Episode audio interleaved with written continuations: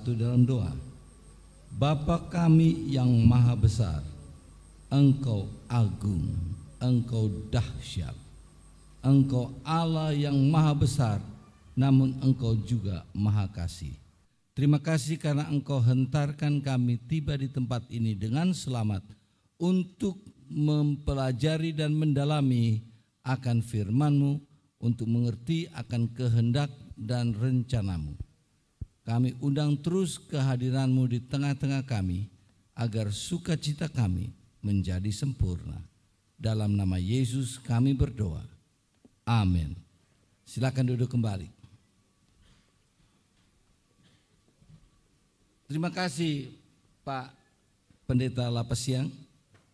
Beliau entah kenapa namanya sama panggilannya, Eki. Ya, jadi kami mempunyai panggilan yang sama. Nama kecil saya Eki. Makanya kalau sudah dengar orang panggil pendeta Eki Misa, apa Anda pendeta Hiskia Misa? Itu sama. Orangnya sama, nama panggilannya berbeda. Oke. Saya bersyukur kepada Tuhan karena Allah itu maha besar. Allahu Akbar. Allah itu maha besar. Ia memberikan kepada saya pemulihan kesehatan. Saya disembuhkan. Saudara lihat di malam yang pertama bahwa saya tunjukkan video lebih kurang empat tahun, hampir empat tahun yang lampau, saya mengalami stroke. Separuh tubuh saya lumpuh total, tidak bisa menggerakkan jari tangan saya. Diam, jari kaki saya, kaki saya, tangan saya pun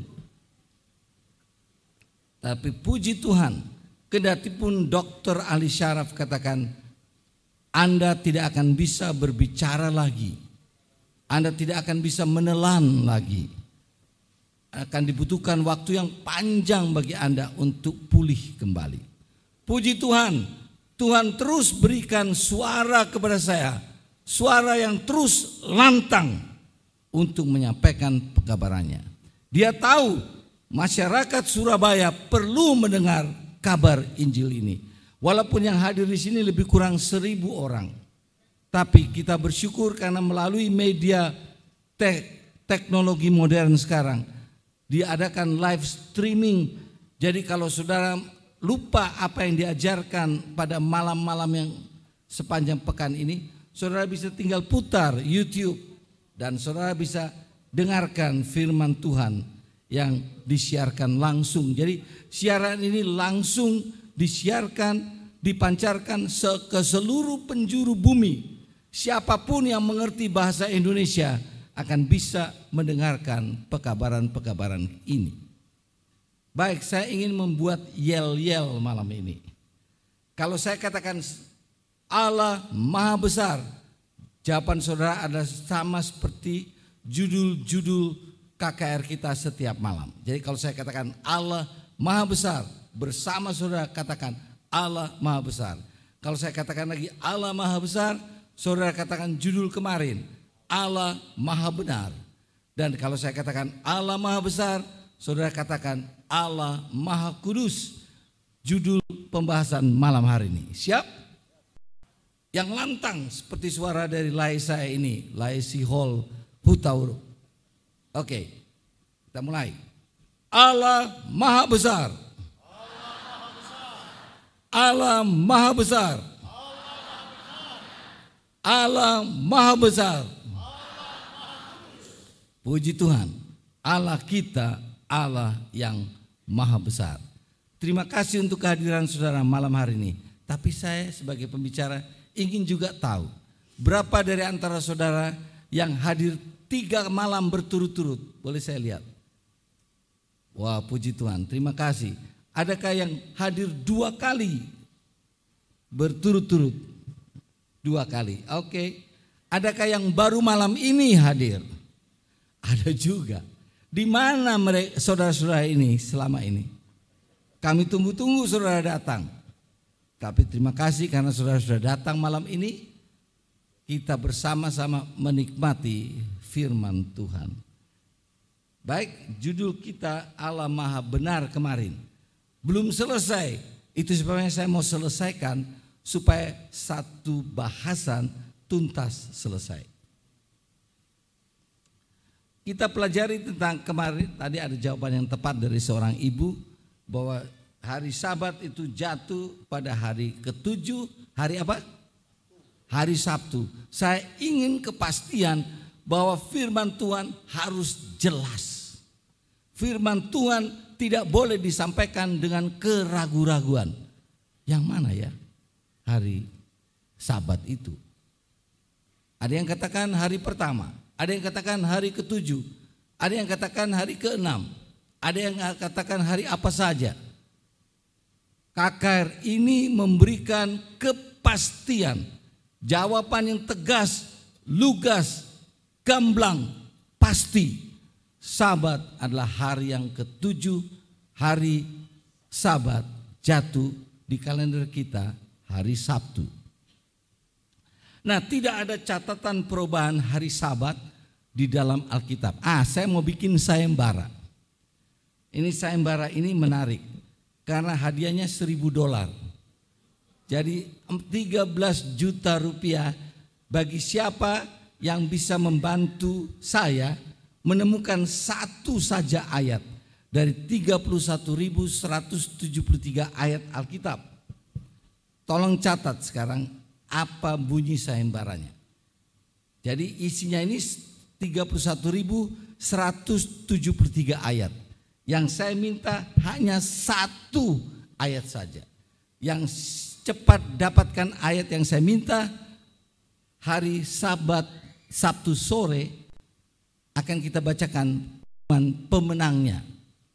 Siapa cepat langsung datang kepada saya atau hubungi panitia kasih nama saudara, alamat dan ayatnya. Siap? Oke. Tuliskan ini sayembara. Pertanyaannya, Allah merubah hari Sabat dari hari ketujuh ke hari yang pertama. Perintah Allah di dalam Alkitab bahwa Allah telah merubah hari Sabat dari hari yang ketujuh ke hari yang pertama. Kalau ada ayat itu satu saja, seribu dolar kami akan berikan. Panitia ini berani sekali ini Pak Sihol Siutauruk ini ya. Seribu siap ya Pak ya, potong gaji. Kalau itu tidak ditemukan, yang kedua kalimatnya. Sucikanlah hari Minggu. Kalau ada ayat itu di dalam Alkitab saudara, siapa cepat dia dapat. Langsung hubungi saya atau hubungi ketua panitia. Jadi apa bunyi sayembara kita? Yang pertama, Allah telah merubah hari sabatnya dari hari ketujuh ke hari yang pertama. Kalau itu sulit didapat, yang kedua adalah ayat yang berbunyi di dalam Alkitab ini, sucikanlah hari Minggu. Maka saudara akan berhak mendapatkan kenang-kenangan, price, door price, seribu dolar, 13 juta. Bisa dapat beli apa itu Pak? Kalau beli serabi bisa berapa banyak itu? Banyak ya? Oke. Tolong catat cari, jangan tidur malam ini karena hanya dua hari waktu diberikan. Tinggal besok dan hari Sabtu sore. Tanya kepada semua penatua, pendeta, evangelis, opa, oma, papa, mama, teman, tanya adakah ayat itu?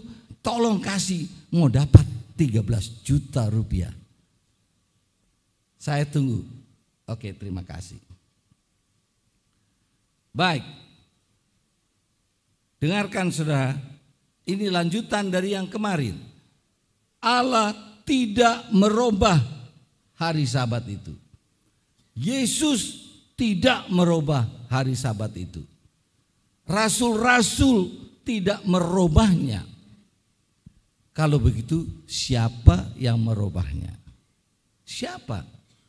Nah malam ini kita cepat-cepat baca Inilah serangan setan. Sabat adalah bendera Allah.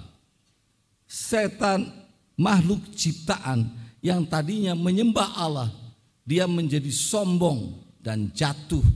Jadi hati-hati orang sombong bisa jatuh, sedangkan makhluk sempurna setan bisa jatuh.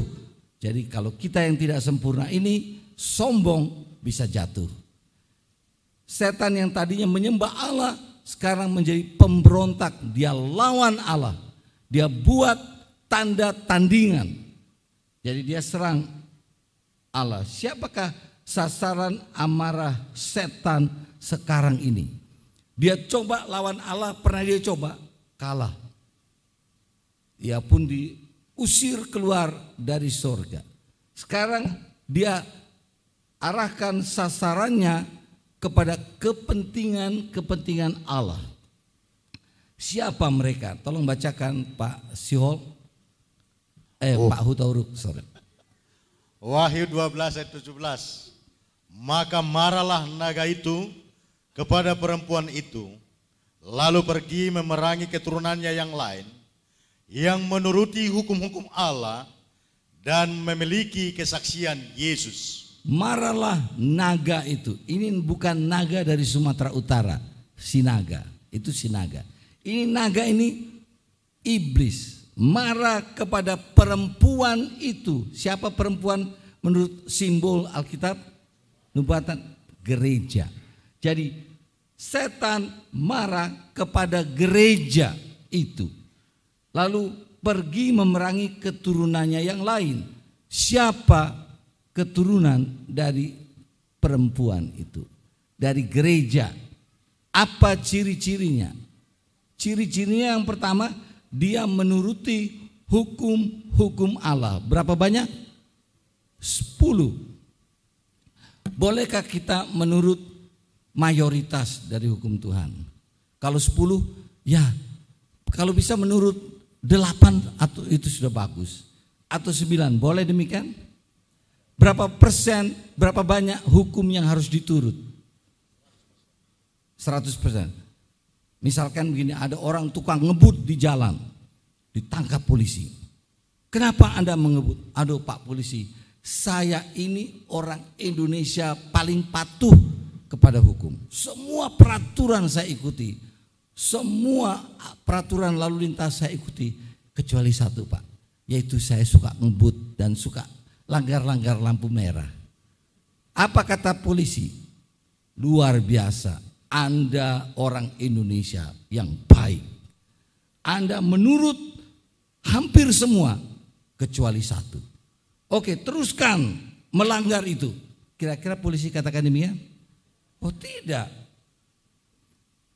Kalau ada orang mencuri, lalu di, atau menggelapkan pajak, ini dibawa ke pengadilan menggelapkan pajak.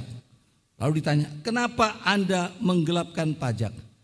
Lalu si pesakitan katakan, Pak, Pak Hakim, saya ini orang Indonesia yang patuh menurut hukum. Semua hukum yang ada di Indonesia saya laksanakan dan patuhi. Kecuali satu Pak, saya suka gelapkan pajak demi keuntungan saya. Apa kata hakim?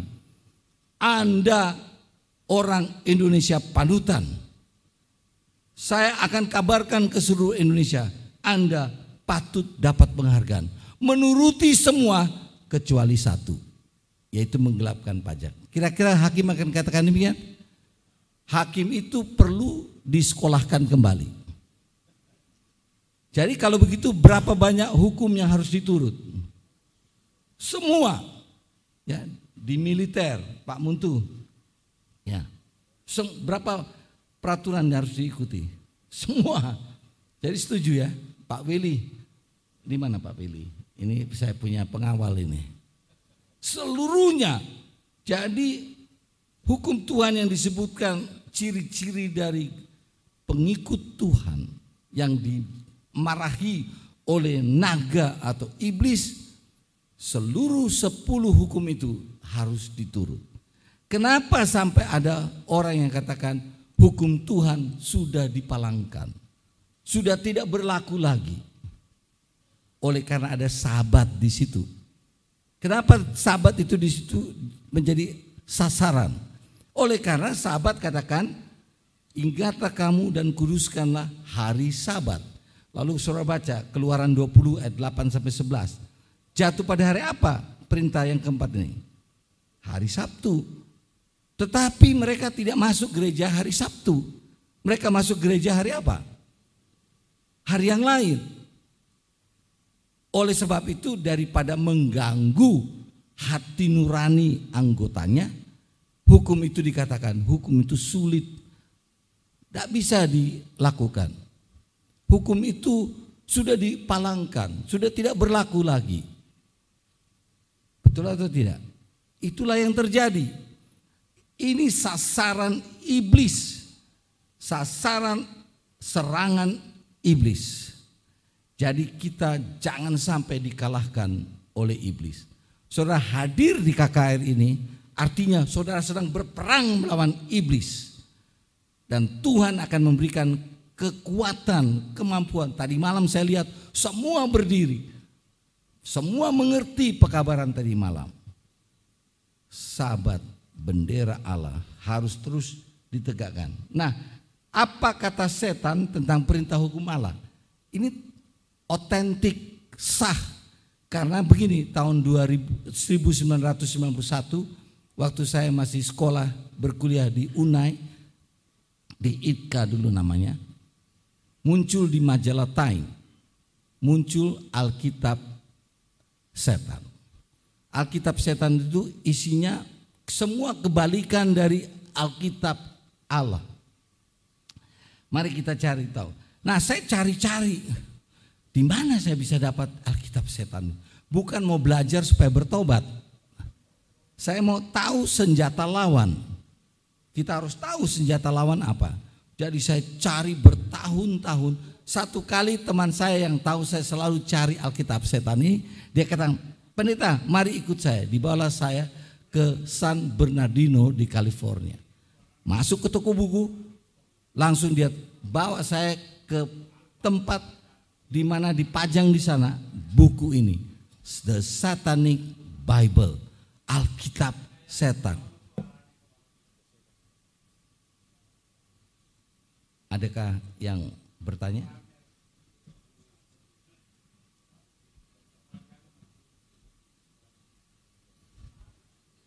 Oke, rupanya hanya suara gangguan. Seringkali eh, kalau ini sifatnya radio, masuk gelombang yang lain. Nah, ini ada gelombang yang lain. Jadi jangan saudara diperhatikan eh, karena saya tahu iblis mencoba ganggu. Itu saya alami setiap saya buat KKR atau seminar wahyu. Selalu ada gangguan dari iblis. Oke. Nah, Satanic Bible ini saya dapat aduh ini harta karun. Tapi saya tidak mau bawa-bawa. Karena apa? Dia bisa saja hilangkan buku itu. Jadi saya foto, ini foto asli dari Alkitab setan. Satanic Bible. Tiru-tiru dia. Bendera Allah dia coba bikin benderanya sendiri. Jadi ini asli tapi palsu. Satanic Bible oleh Anton Sander Lavey. Tolong dibacakan ini isi banyak isinya tapi ini pasal 1 ayat 3. Saya menantang hikmat dunia untuk mengintegrasi hukum-hukum manusia dan Allah. Setan katakan, saya menantang hikmat dunia untuk menginterogasi, menyelidiki, bertanya, onderzoek bahasa Inggrisnya, Belandanya, hukum-hukum manusia dan hukum Allah. Dia tantang. Matius 7 ayat 12.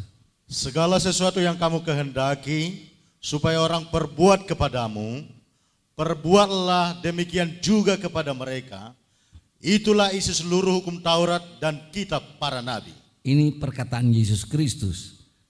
Sekarang kita lihat apa yang setan katakan lewat Alkitabnya. Pasal 1 ayat 4. Saya meminta alasan-alasan tentang peraturan emasmu dan mengajukan pertanyaan tentang mengapa dan apa tujuannya sepuluh perintah hukummu itu. Setan direct attack. Ini attack langsung, serangan langsung. Dia katakan, saya minta alasan-alasan tentang peraturan emasmu yang kita baca tadi, Matius 7 ayat 12. Dan juga tentang mengapa dan apa tujuannya sepuluh perintah hukummu itu. Wah dia tantang. Kita baca lebih lanjut ayat 5.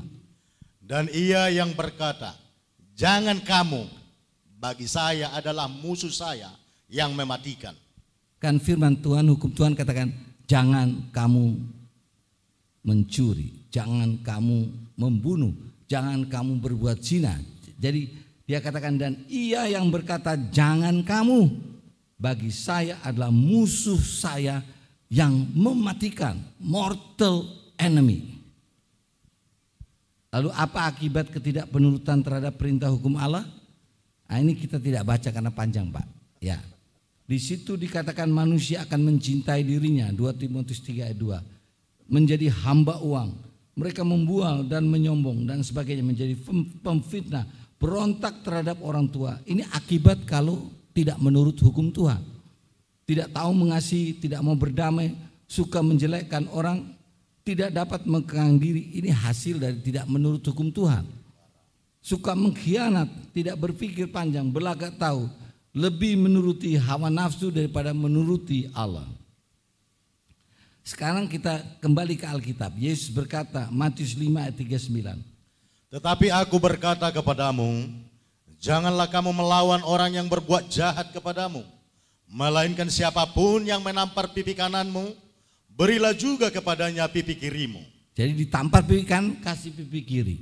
Kata Yesus. Apa kata Alkitab setan? Pasal. 3 ayat 8. Ia yang memberi pipinya yang sebelah untuk ditampar kembali adalah seekor anjing pengecut. Setan katakan, kalau ia yang pipinya yang sebelah ditampar, maka untuk ditampar kembali adalah se ah, yang memberi pipinya yang sebelah untuk ditampar kembali seekor anjing pengecut. Luar biasa ini tantangan dari iblis. Masih di ayat yang sama, baik saya tidak perlu dibaca, ayat yang saya garis bawahi. Janganlah kamu melawan orang yang berbuat jahat kepadamu. Perintah Yesus Kristus.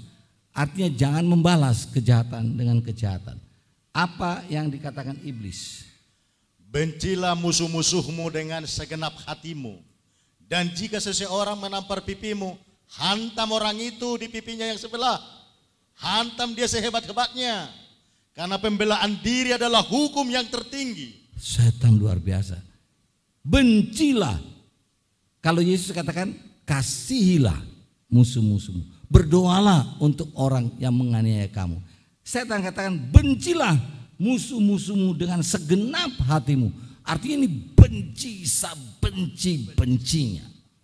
Dan jika seseorang menampar pipi kirimu, hantam. Jadi jangan tampar, tapi hantam orang itu di pipinya yang sebelah. Lebih sakit mana? Dihantam. Hantam dia sehebat-hebatnya. Karena pembelaan diri adalah hukum yang tertinggi. Tidak heran terjadi perang. Karena apa? Saling membalas. Dan pembalasan lebih kejam dari pembunuhan. Kita dengar itu. Fase 3 ayat 9 Ber- setan. Berikan pukulan ganti pukulan. Ejekan ganti ejekan. Celaka ganti celaka. Seratus kali lipat. Jadikan dirimu menjadi suatu teror bagi musuhmu. Dengan demikian engkau akan dihargai di semua jalan kehidupan ini. Wah ini dia. Kalau kamu dipukul, pukul balik. Kamu diejek, ejek balik. Kalau kamu dicelakakan, berikan celaka kepadanya. Berapa kali lipat? Seratus kali lipat. Wah lebih hebat. Jadikan dirimu menjadi suatu teror bagi musuhmu. Dengan demikian engkau akan dihargai di semua jalan kehidupanmu. Jadi kalau ada orang membalas dendam dan hebat-hebatan membalas dia, jangan lupa ada yang di belakang dia. Kuasa iblis, setan. Yesus berkata dalam Matius 5 ayat 5. Berbahagialah orang yang lemah lembut karena mereka akan memiliki bumi. Orang yang apa? Lemah lembut. Sekarang Alkitab setan katakan. Berbahagialah orang yang kuat karena mereka akan mempunyai bumi. Terkutuklah orang yang lemah karena mereka akan mengawari sukuk perhambaan. Beda, Yesus ajarkan berbahagialah orang yang lemah lembut hatinya. Dia yang empunya bumi. Setan katakan, oh langsung itu jadi orang yang mewarisi kuk perhambaan. Berbahagialah orang yang kuat karena mereka akan empunya bumi. Terbalik semuanya. Ya. Ada banyak sekali yang saya bisa bagikan tapi kita jangan promosikan iblis, kita promosikan Yesus Kristus. Apakah nasib setan yang terakhir? Ternyata setan tidak akan ada terus-menerus. Akan ada saatnya ia tamat riwayat hidupnya. Wahyu 20 ayat 10. Dan iblis yang menyesatkan mereka dilemparkan ke dalam lautan api dan belerang, yaitu tempat binatang dan nabi palsu itu, dan mereka disiksa siang malam sampai selama-lamanya. Mereka akan berakhir di api neraka. Mereka akan dibakar siang malam sampai selama-lamanya. Tapi selama-lamanya ini ini harus dijelaskan. Bukan artinya terus-menerus menyala. Karena ada ajaran gereja yang mengatakan orang yang tidak patuh kepada Tuhan akan dihukum selama-lamanya. Terus-menerus. Jadi selama orang yang yang baik hidup selama-lamanya di sorga, orang yang jahat akan selama-lamanya di dalam neraka. Ini membuat Allah itu lebih kejam dari iblis. Karena menyiksa orang sampai selama-lamanya. Tidak demikian. Selama-lamanya di sini artinya api itu akan membakar sampai bahan yang dibakar habis. Begitu sudah habis, maka tidak terbakar lagi. Jadi abu. Itu pelajaran yang nanti yang lain lagi. Matius 25 ayat 41. Dan ia akan berkata juga kepada mereka yang di sebelah kirinya, Enyahlah dari hadapanku, hai kamu orang-orang terkutuk, enyahlah ke dalam api yang kekal, yang telah sedia untuk iblis dan malaikat-malaikatnya. Api yang kekal artinya tidak bisa dipadamkan oleh pemadam api apa pun. Dan neraka ini untuk siapa? Pernah dengar waktu saya kecil ya ada lagu Anak baik masuk ke surga. Anak baik masuk ke surga. Nanti ayat yang berikutnya. Anak nakal masuk neraka. Pernah dengar lagu itu? Neraka untuk siapa? Anak nakal? Neraka untuk iblis dan malaikat-malaikatnya. Bukan untuk anak nakal. Tapi kenapa banyak anak nakal, orang dewasa nakal, bapak nakal, ibu nakal ikut masuk ke neraka karena mereka berpihak kepada iblis. Apa boleh buat? Sama-sama masuk neraka. Oh, satu lagi saya mau cerita. Iblis sudah tahu, dia pembaca Alkitab, dia tahu semua yang saya mau kasih ini. Dia baca-baca ini waktu saya siapkan. Oh, ini yang mau disampaikan. Dia tahu dia akan dibinasakan. Tapi dia tidak mau binasa sendiri. Dia mau ada teman yang turut dibinasakan. Enak kalau dihukum rame-rame. Satu kali ini di sekolah kami di Unai, ITKA. Di situ ada peraturan tidak boleh tinggalkan kampus. Karena kalau tinggalkan keluar dari kampus dihukum namanya campus bound. Artinya dihukum tidak boleh turun keluar. Jadi ada namanya Boss Day, hari untuk laki-laki tiap Jumat. Hari Jumat, lalu Jumat berikutnya disebut Girls Day. Yang boleh keluar Jumat yang lalu laki-laki, Jumat berikutnya perempuan. Bergantian. Nah itu peraturan tertulis. Siapa melanggar dihukum campus bound dua minggu. Wah dua minggu dihukum tidak boleh keluar dari kampus. Itu penyiksaan. Apalagi kalau punya pacar di luar kampus. Nah, Waktu itu Ratu Juliana dari Belanda datang dengan suaminya. Pangeran Philips datang ke Indonesia dan perginya ke Lembang, ke Maribaya. Semua sekolah-sekolah dikasih pengumuman. Bawa bendera merah putih kecil-kecil untuk menyongsong datangnya Ratu Juliana. Berita itu sampai kepada mahasiswa-mahasiswa ITKA. Wah, semua orang pergi diam-diam, ngabur dari sekolah. Jadi di tengah kerumunan orang banyak menunggu lewatnya, padahal cuma lewat aja, itu mantan penganiaya, penjajah Indonesia. Ya, anak-anak kami itu ada yang mulai maju-maju ke depan supaya bisa lihat paling depan. Permisi, permisi sampai di depan. Waktu dia tunggu-tunggu, dia lihat di kiri dosen. Di tengah di kanan dosen. Ah, kamu tinggalkan kampus. Harus lapor. Pendek cerita, sudah senang lihat ini Ratu Juliana sampai di kampus. Kamu kena kampus bang. Dua minggu tidak boleh keluar kampus. Tapi pak, bukan saya saja sih, ini juga ikut. Panggil, dipanggil temannya yang ikut. Oh bukan kami saja berdua pak, si ini juga ikut. Panggil, orang ketiga dipanggil. Bukan hanya kami pak, si ini juga. Lalu mulai ditunjuk-tunjuk 20 orang ketangkap. Termasuk saya di kampus Baum dua minggu. Waduh, aniaya itu bagi kami. Tidak bisa keluar kampus ketemu pacar. Setan pun begitu, dia tahu dia mau dihukum, dia tahu api yang kekal itu untuk dia. Dan malaikat-malaikatnya bukan yang baik, yang jahat. Tapi dia tidak mau dihukum sendiri, Ibu Dewi. Dia mau dihukum rame-rame. Ya karuanlah dihukum, tapi kalau rame-rame ya oke lah sama-sama dihukum. Jadi saudara, jangan mau ikut rame-rame dihukum bersama dengan setan. Nah sekarang apakah Yesus mencucikan sabat waktu ia di dunia? Dia pencipta sabat. Kapan sabat dijadikan? Pada waktu baru saja selesai pekerjaan penciptaan. Nah sekarang waktu Yesus menjelma menjadi manusia, lahir di kandang binatang di Bethlehem, itu kedatangan yang pertama setelah dia dewasa, dia apakah beribadah menyucikan sabat waktu dia hidup di dunia. Tolong bantu bacakan Lukas 4:16 tadi sudah dibaca. Ia datang ke Nazaret, tempat ia dibesarkan dan menurut kebiasaannya pada hari Sabat ia masuk ke rumah ibadat lalu berdiri hendak membaca dari Alkitab. Yesus dikatakan datang ke Nazaret tempat ia dibesarkan dan menurut kebiasaannya. Apa artinya?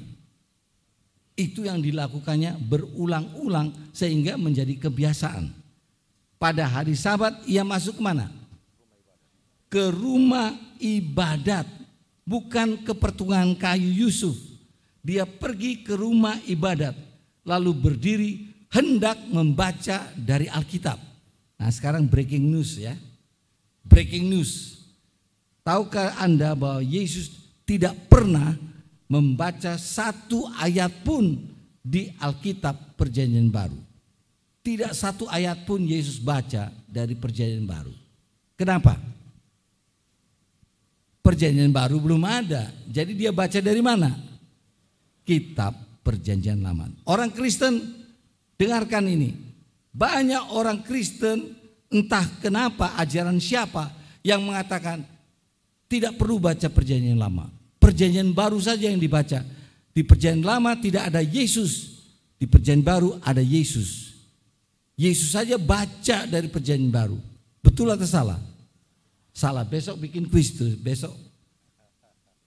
Tidak ada ayat satupun di perjanjian baru yang dibaca oleh Yesus. Kenapa? Karena perjanjian baru belum ada waktu itu. Nanti sesudah Yesus naik ke sorga, baru perjanjian baru dituliskan. Itu yang kita baca. Perjanjian lama menceritakan tentang Yesus, isinya hidup yang kekal. Tetapi walaupun kitab suci ini menerangkan tentang aku, kamu tidak mau datang kepadaku untuk mendapatkan hidup itu.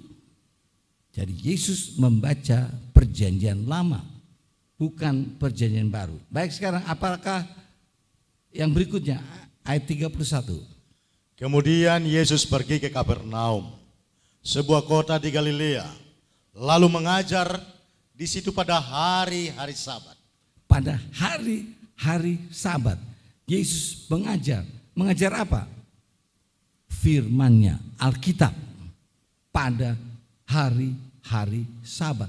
Tidak disebut di situ satu kali di hari Sabat, berikutnya di hari Minggu, lalu Sabat lagi, lalu Minggu, dan setelah itu beribadah pada hari Minggu. Tidak ada ditulis Alkitab berdiam diri. Bila mana Alkitab berdiam diri, saya juga berdiam diri. Saudara pun saya harapkan berdiam diri. Jangan ajarkan bahwa Yesus masuk ke gereja pada hari Minggu atau hari pertama. Sekarang breaking news lagi.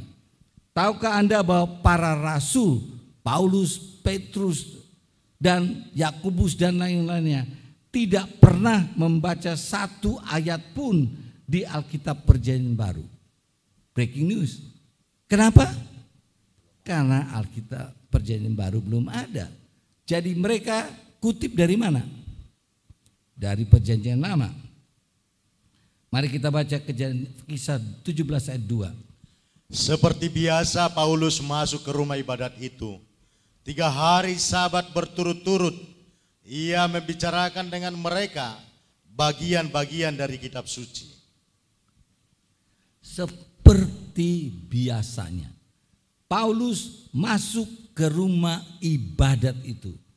Tiga hari sabat berturut-turut ia membicarakan tentang mereka bagian-bagian dari perjanjian lama. Pada hari apa? Hari sabat. Rasul-rasul tidak merubahnya. Ayat 18 ayat 4. Dan setiap hari sabat, Paulus berbicara dalam rumah ibadat dan berusaha meyakinkan orang-orang Yahudi dan orang-orang Yunani. Setiap hari sabat, Paulus berbicara dalam rumah ibadat dan berusaha meyakinkan meyakinkan orang-orang Yahudi dan orang-orang non-Yahudi, orang-orang Yunani. Sekarang apa kata kitab suci umat Islam yang mereka muliakan dan tinggikan? Surah Al-Baqarah, surah 2 atau surah sapi betina ayat 65. Tolong bacakan dan sesungguhnya telah kamu ketahui orang-orang yang melanggar di antara di antaramu pada hari Sabtu lalu kami berfirman kepada mereka jadilah kamu kera yang hina. Allah berfirman dicatat di kitab suci umat Islam yang dimuliakan. Dan sesungguhnya telah kamu ketahui orang-orang yang melanggar di antaramu pada hari Sabtu. Lalu kami, lihat saya bikin huruf besar ini dari ayat itu. Kami berfirman, siapa berfirman? Allah kepada mereka, jadilah kamu kera yang hina. Wah, ini kunu kira datang kasihan. Kamu jadi kera yang hina. Sudah lihat bagaimana gerak-gerik kera? Ya, dia suka apa itu meleter atau mencerecek ya. Suka marah-marah dia. Dan kerayang hina. Kalau melanggar Sabtu, jangan melanggar Sabtu. Lalu mereka katakan, oh ini untuk orang-orang zaman dulu. Betulkah demikian? Mari kita lihat ayatnya yang berikutnya, ayat 66. Maka kami jadikan yang demikian itu peringatan bagi orang-orang di masa itu dan bagi mereka yang datang kemudian serta menjadi pelajaran bagi orang-orang yang bertakwa. Nah, Allah berfirman, kami jadikan yang demikian itu peringatan bagi orang-orang di masa itu, betul, orang-orang dulu. Dan bagi mereka yang datang kemudian, yang sesudah itu dan serta menjadi pelajaran bagi orang-orang yang bertakwa. Kalau saudara orang bertakwa, dengarkan apa kata Allah. Mereka yang melanggar hari Sabtu akan jadi kera yang sehina-hinanya. Ada orang yang suka marah lalu dia katakan kera kamu. Pernah dengar orang katakan ini? Itu penghinaan. Jadi kalau kita melanggar Sabtu, kita dihina. Allah yang katakan. Nah, sekarang kita tiba kepada bahasan untuk malam ini. Siap? Kalau di kapal terbang, ikat pinggang, tali pengaman erat-erat. Karena kita membahas judul yang baru.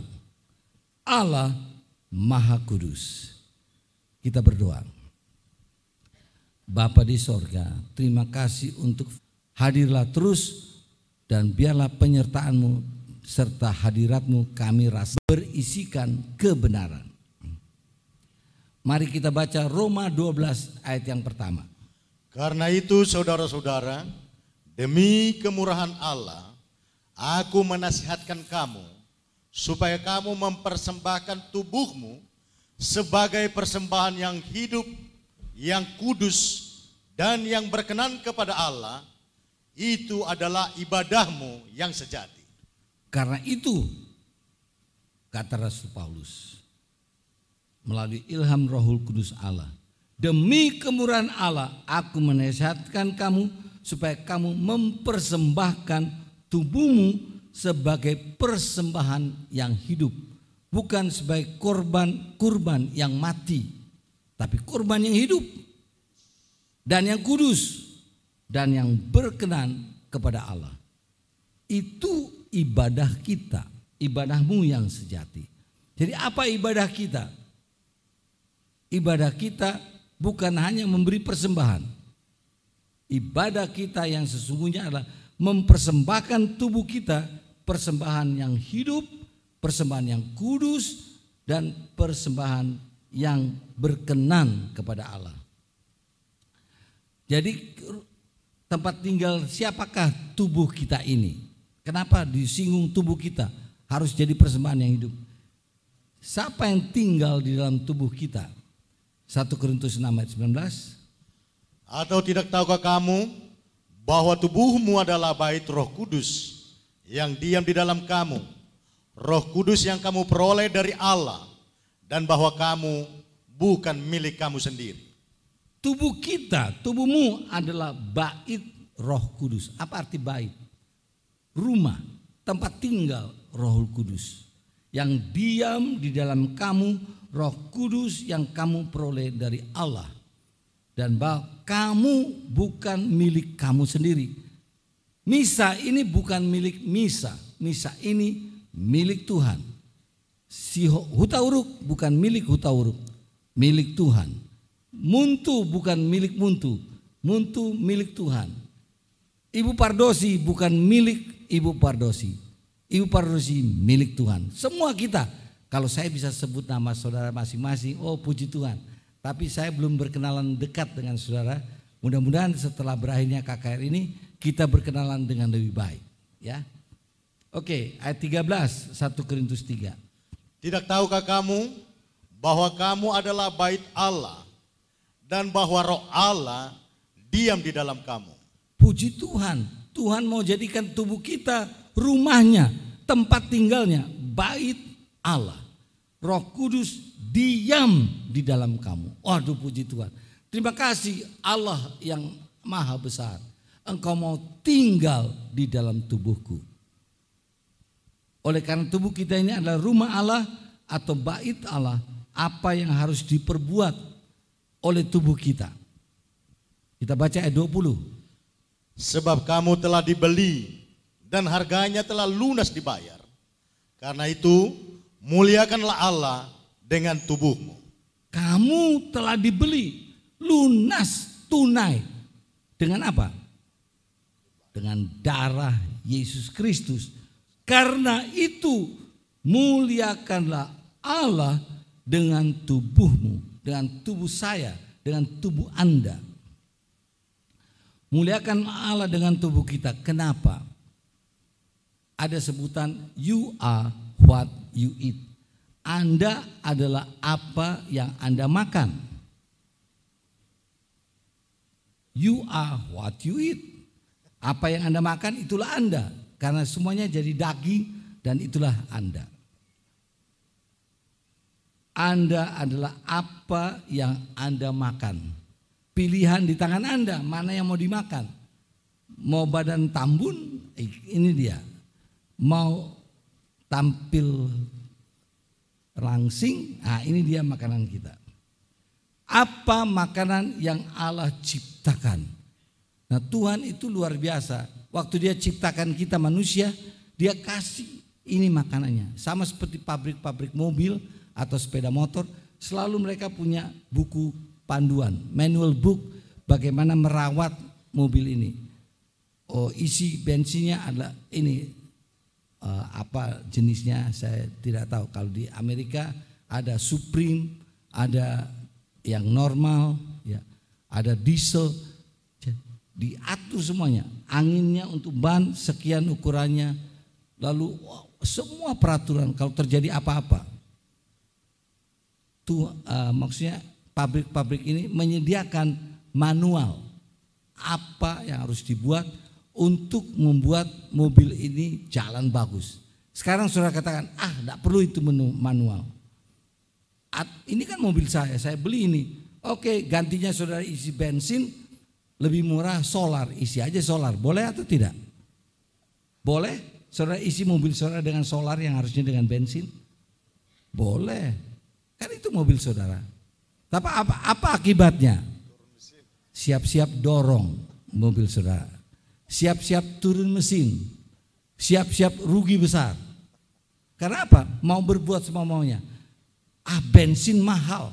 Saya isi saja dengan air. Boleh atau tidak? Boleh. Boleh itu mobil saudara. Isi aja dengan air. Tapi akibatnya apa? Siap-siap dorong mobil Anda. Ya. Lalu olinya harus yang begini. Ah kok mahal oli. Saya isi aja dengan minyak kletik. Minyak goreng. Boleh atau tidak? Boleh, itu kan mobil saudara. Tapi siap-siap untuk turun mesin. Jadi Tuhan pun demikian waktu dia ciptakan manusia, dia sediakan makanannya. Lalu apa makanan yang disediakan oleh Allah untuk manusia? Kejadian 1 ayat 29. Berfirmanlah Allah, lihatlah aku memberikan kepadamu segala tumbuh-tumbuhan yang berbiji di seluruh bumi dan segala pohon-pohonan yang buahnya berbiji, itulah akan menjadi makananmu. Apa makanan manusia? Buah-buahan. Tumbuh-tumbuhan yang berbiji. Tidak dituliskan inilah makananmu, ikan goreng atau daging apa ya, rendang. Tidak, makanan yang dijadikan oleh Tuhan adalah tumbuh-tumbuhan yang berbiji dan pohon-pohonan yang buahnya berbiji. Itu makanan kita. Buah-buahan diciptakan Allah untuk manusia yang diciptakannya supaya manusia ini tahan selama-lamanya akan hidup selama-lamanya. Semua fungsi tubuhnya akan berfungsi selama-lamanya. Luar biasa Tuhan itu. Lalu untuk hewan apa makanan mereka? Ini makanan kelas 1 ya. Sekarang menu makanan kelas 1 tumbuh-tumbuhan yang berbiji, segala pohon-pohonan yang buahnya berbiji. Sekarang apa makanan hewan? Kejadian 1 ayat 30. Tetapi kepada segala binatang di bumi dan segala burung di udara dan segala yang merayap di bumi yang bernyawa kuberikan segala tumbuh-tumbuhan hijau menjadi makanannya dan jadilah demikian. Apa makanan hewan? Tumbuh-tumbuhan hijau. Tidak ditulis itu makan makan harimau daging kambing. Makanan beruang ikan salmon di Amerika kalau bilang salmon, ikan salmon harus ikan salmon. Jadi makanan beruang bukan salmon. Makanannya apa? tumbuh-tumbuhan hijau, rerumputan. Itu makanan mereka. Mereka senang sekali. Tidak digoreng, mereka akan makan. Mereka tidak tunggu-tunggu ini rumput-rumput digoreng atau dibikin tutur ayam tuturuga atau apa untuk makanan mereka. Mereka nikmati itu makanan mereka yang diciptakan oleh Allah. Tidak memangsa sesamanya binatang. Lalu apa makan manusia setelah berdosa? Untung tak dapat diraih, malang tak dapat ditolak. Manusia berdosa, melanggar perintah Allah, memakan buah yang dilarang, masuklah dosa, diperkenalkan kepada dunia. Lalu makanan manusia pun berubah. Apa makanan manusia? Kejadian 3:18 Semak duri dan rumput duri yang akan dihasilkannya bagimu dan tumbuh-tumbuhan di padang akan menjadi makananmu. Turun derajatnya atau naik? Turun. Ini makanan siapa tadinya? Makanan hewan. Sekarang jadi makanan manusia. Lalu mulai orang coba-coba, eh ini enak ini. Kangkung, oke. Okay. Ini kangkung. Bayam, oke. Okay. Sawi, ah jadi makanan kita. Jadi itu jadi makanan manusia setelah manusia jatuh ke dalam dosa. Wah, seledri saya paling suka ini. Apalagi kalau dibikin sup. Sup tahu enak sekali ini. Ini makanan kelas 2. Menu makanan kelas 2 adalah semak duri, rumput duri, tumbuh-tumbuhan di padang, sayur-sayuran. Lalu bagaimana umur manusia dengan memakan menu kelas 2? Tadinya kalau ikuti menu kelas 1 umurnya selama-lamanya. Tapi karena dosa tidak lagi selama-lamanya. Ditambah makanan mereka dengan makanan kelas 2, berapa umur manusia? Kejadian 5, kita lihat. Adam berapa tahun? 930 tahun. Wah, panjang sekali. Ada yang 930 tahun di sini? Kalau ada mau masuk di Guinness Book of World Record, di Surabaya ada orang hidup 930 tahun. Ada? Kalau ada, kasih kabar sama saya. Saya mau interview apa rahasianya. Set 912. Enos, ada Enos di sini. 905. Kenan 910. Mahalalel 895. Yaret 967. Metusala yang paling tua ini. Perita nol disakul Metusala, istrinya Fam Metusala. 969. Lamek 777. Panjang atau tidak umur mereka? Panjang, panjang umurnya. Tadinya harusnya selama-lamanya, tapi menunya berubah, umurnya ada batas sekarang. Tapi masih tinggi sekali. Kalau saya dikasih oleh Tuhan sepersepuluh dari umur Adam, aduh Alhamdulillah. Syukur Alhamdulillah. Senang sekali Pak Lasut. Kalau umur kita bisa mencapai sepersepuluh saja. Tapi sayang sekali jarang ya bisa dihitung dengan jari.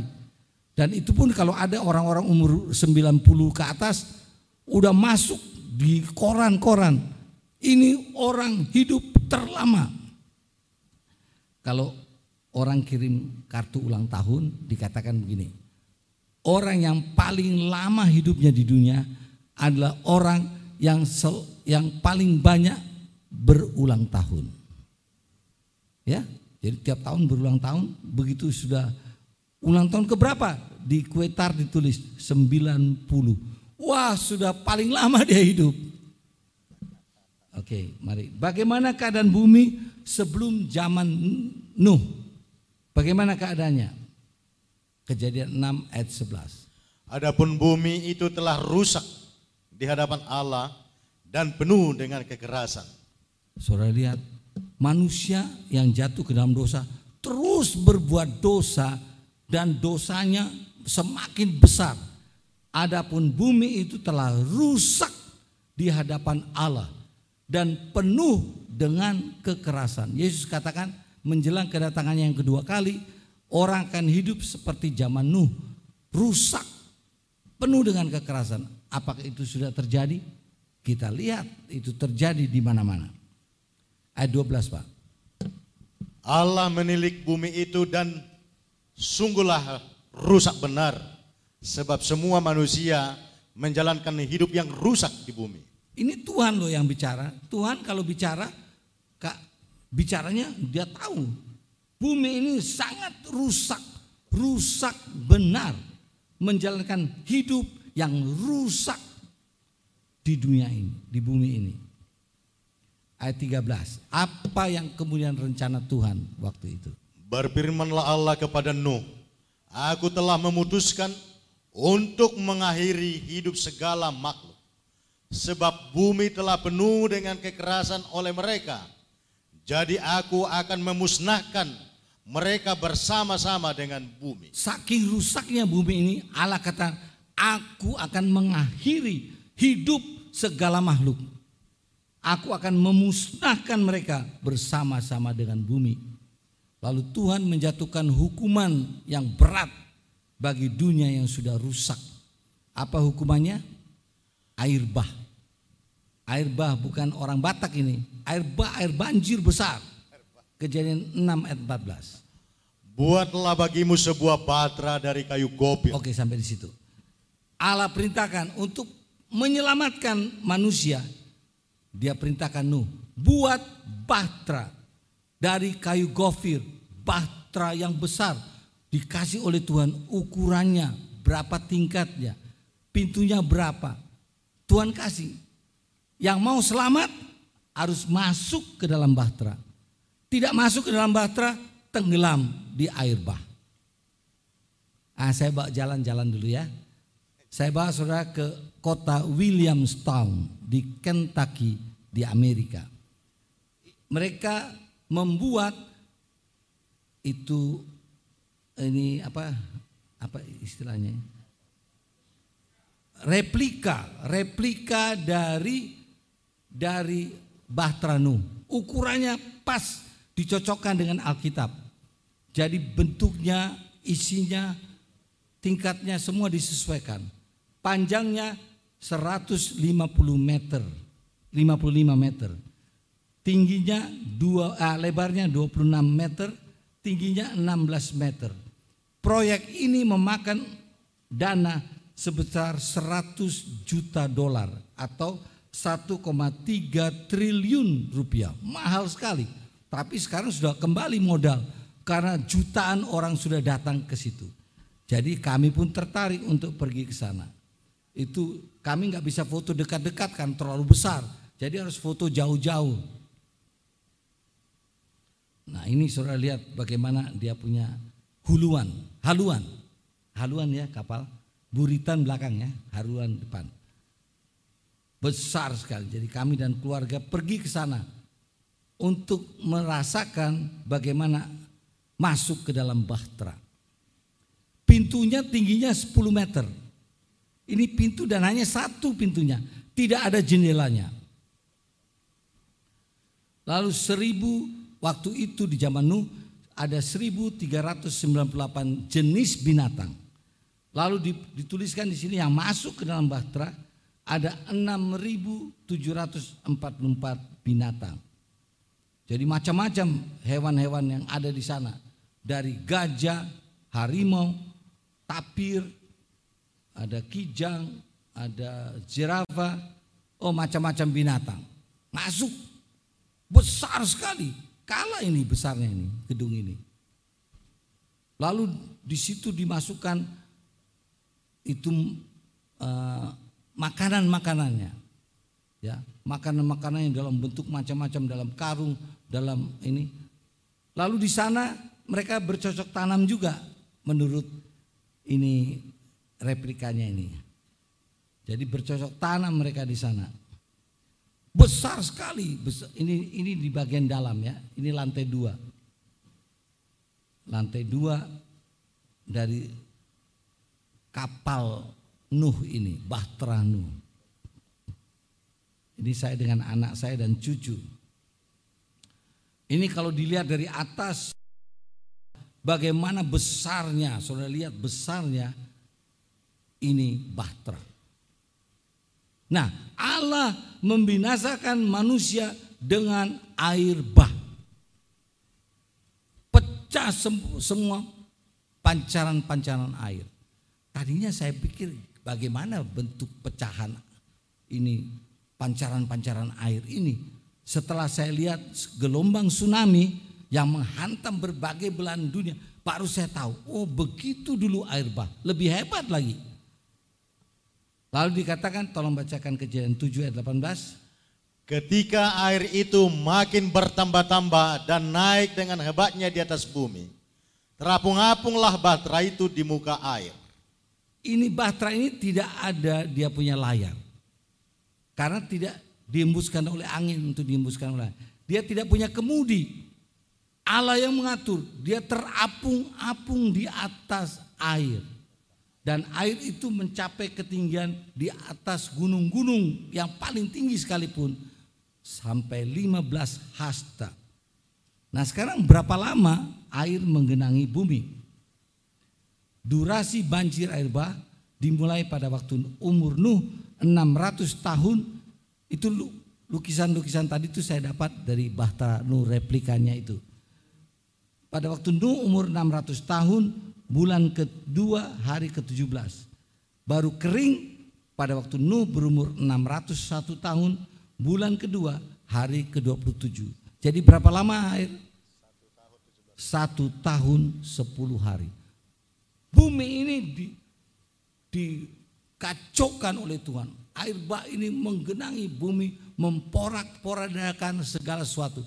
Sehingga semua yang bernafas mati. Semua orang-orang yang tidak mau masuk ke dalam bahtera mati. Hanya berapa yang selamat? Hanya delapan. Nu istrinya, tiga anaknya, tiga istri mereka. Delapan orang. Dari situlah kita kemudian berasal.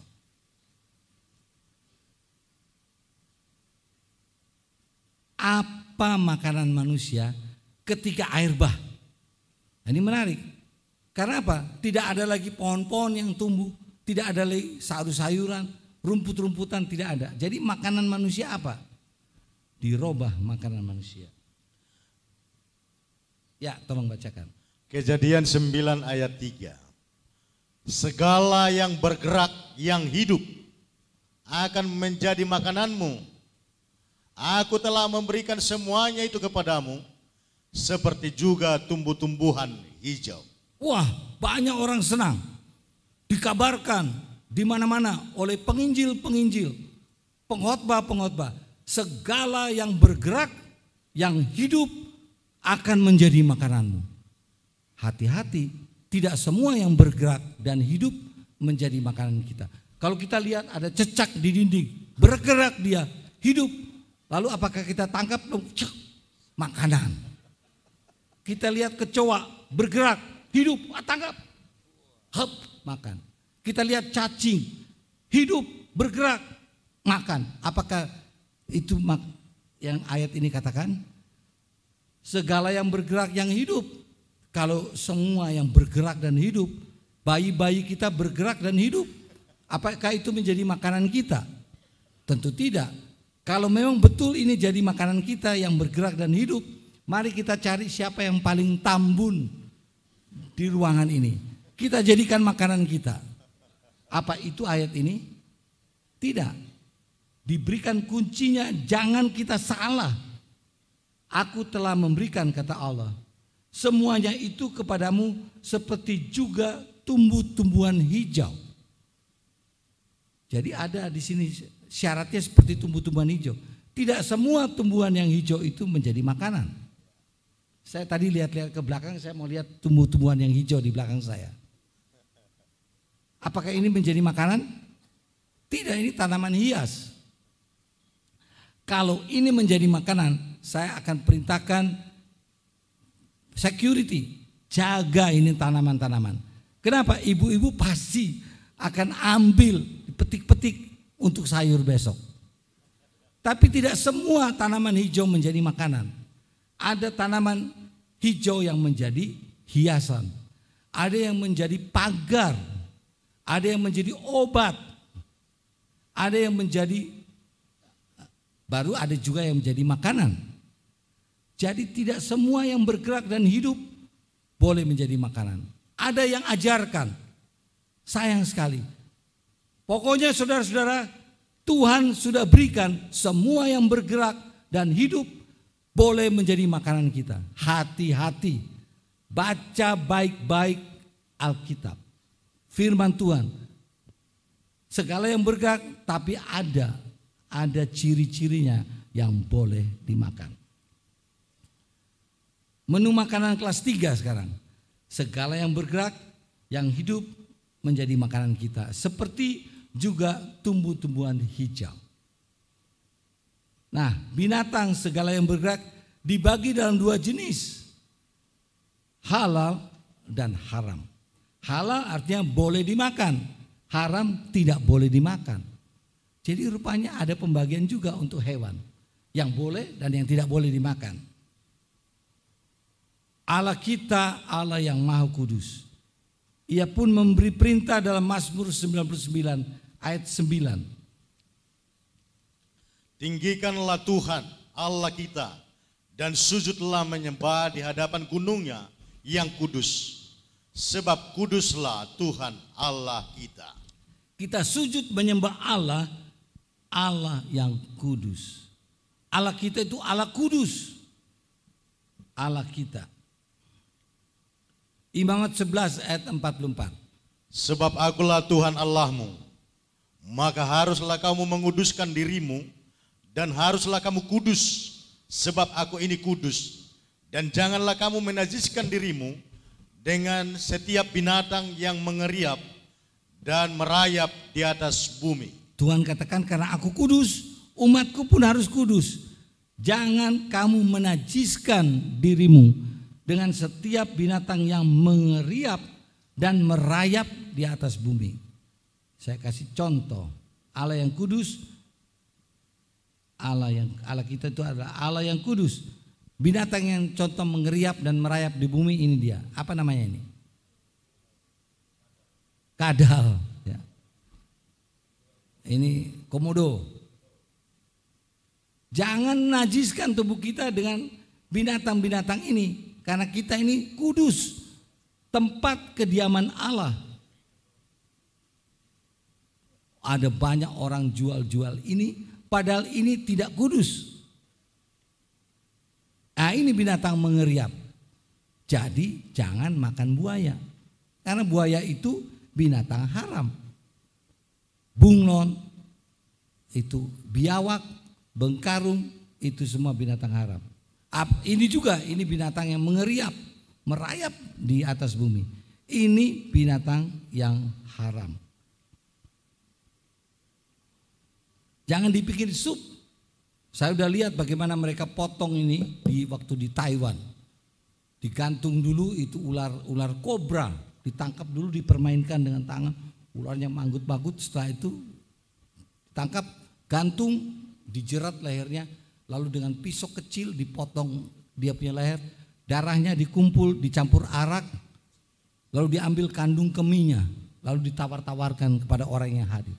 Silakan minum, obat kuat. Ada banyak orang minum itu mati. Kenapa? Karena darahnya jadi mengental, karena itu berbahaya. Ini bukan makanan. Wah, orang bilang, "Oh, ini ikan." Ya. Itu bahasa apa itu ikang? Pak Lasut. so ikang ini. Ya. Ini binatang yang tidak tidak halal, har, yang haram. Ini juga, ini apa ini yang merayap-rayap lari-lari. Ada di rumah saudara binatang ini?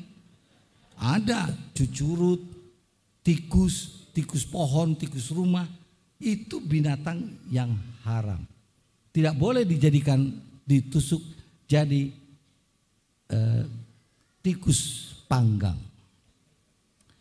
Allah yang kudus menuntut umatnya menjadi kudus juga. Luar biasa. Kalau kita mau menghadap Allah yang kudus, kita harus kudus. Kalau tidak, kita tidak bisa menghadap Allah. Allah itu kudus dan cahaya kemuliaannya akan membakar yang tidak kudus. Kita bisa terbakar habis.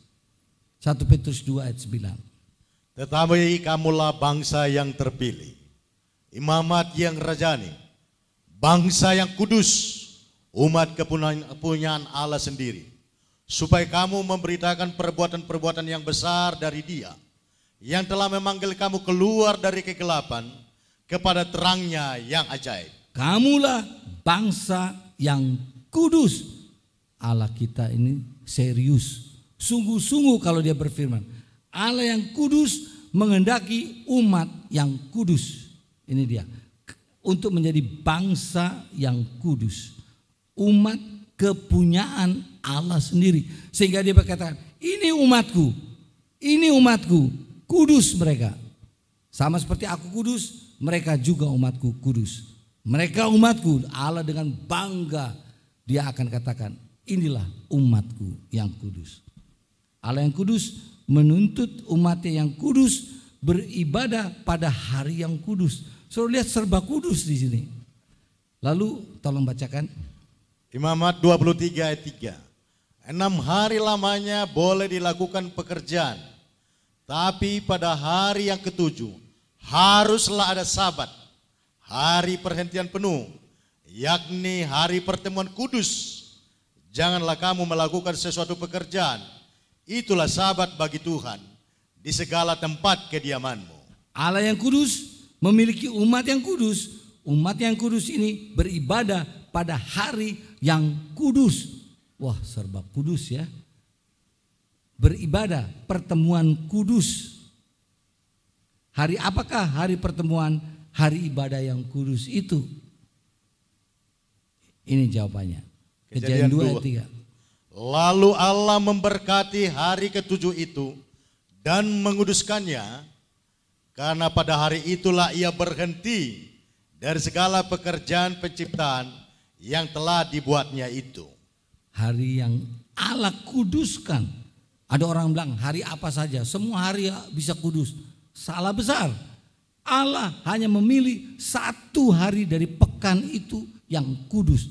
Hanya satu yang dia pilih hari yang kudus. Ada orang yang katakan kita sama Tuhan itu tidak boleh pelit. Hanya kasih satu hari. Lebih banyak hari diberikan kepadanya lebih bagus. Jadi kami beribadah hari Minggu, hari Sabtu juga kami buka gereja kami. Lalu hari Jumat kalau ada yang mau datang. Jadi kita harus kasih lebih kepada Tuhan. Tuhan tidak meminta lebih. Tuhan minta satu saja hari. Dan hari yang diminta harus hari yang kudus. Hari apa itu? Hari sabat. Hari keberapa? Hari ketujuh. Jatuh hari apa? Hari Sabtu. Ah, saya lihat orang Surabaya ini seperti orang-orang di Tesalonika, eh, di Berea.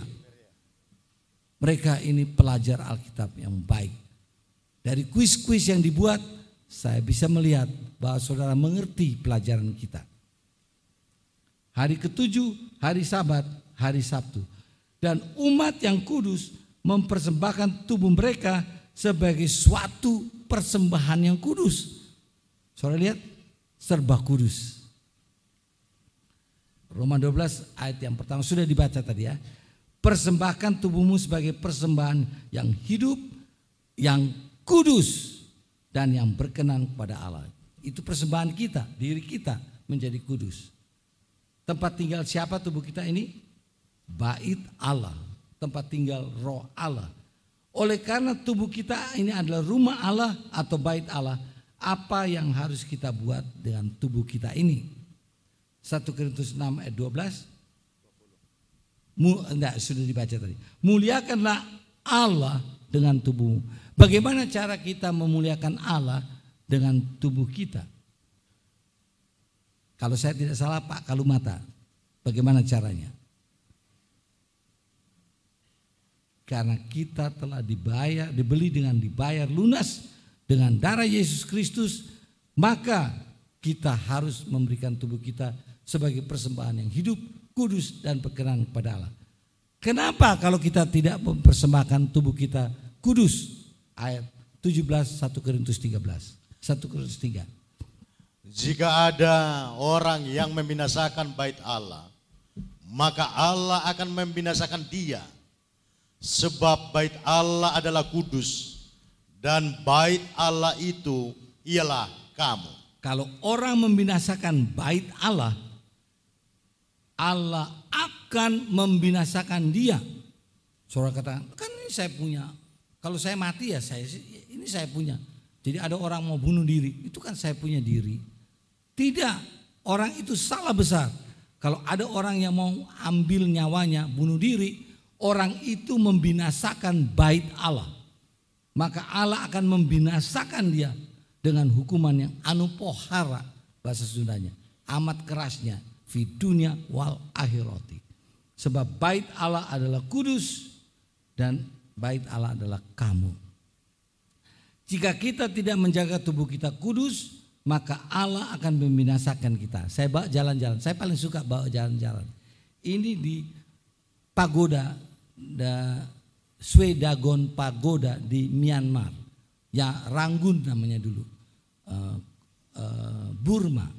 Ibu kotanya Ranggun. Sekarang uh, ibu kotanya itu Myanmar.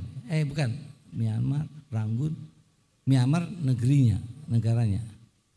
Oke nanti kalau saya ingat saya sebut di ini Swedagon Pagoda ini ada 84 ribu patung Buddha berbagai posisi ada yang posisi duduk lalu pengikut-pengikutnya mereka menyembah patung-patung Buddha ini dan mereka sebutkan ini Swedagon Pagoda ini Buddhist Sacred Land tanah yang suci. Jadi ada peraturan untuk orang yang datang, pilgrims ataupun visitors. Tidak boleh pakai foot wearing, nggak boleh pakai sepatu, sendal. Bahkan tidak boleh pakai socks. Kaos kaki pun harus dilepas.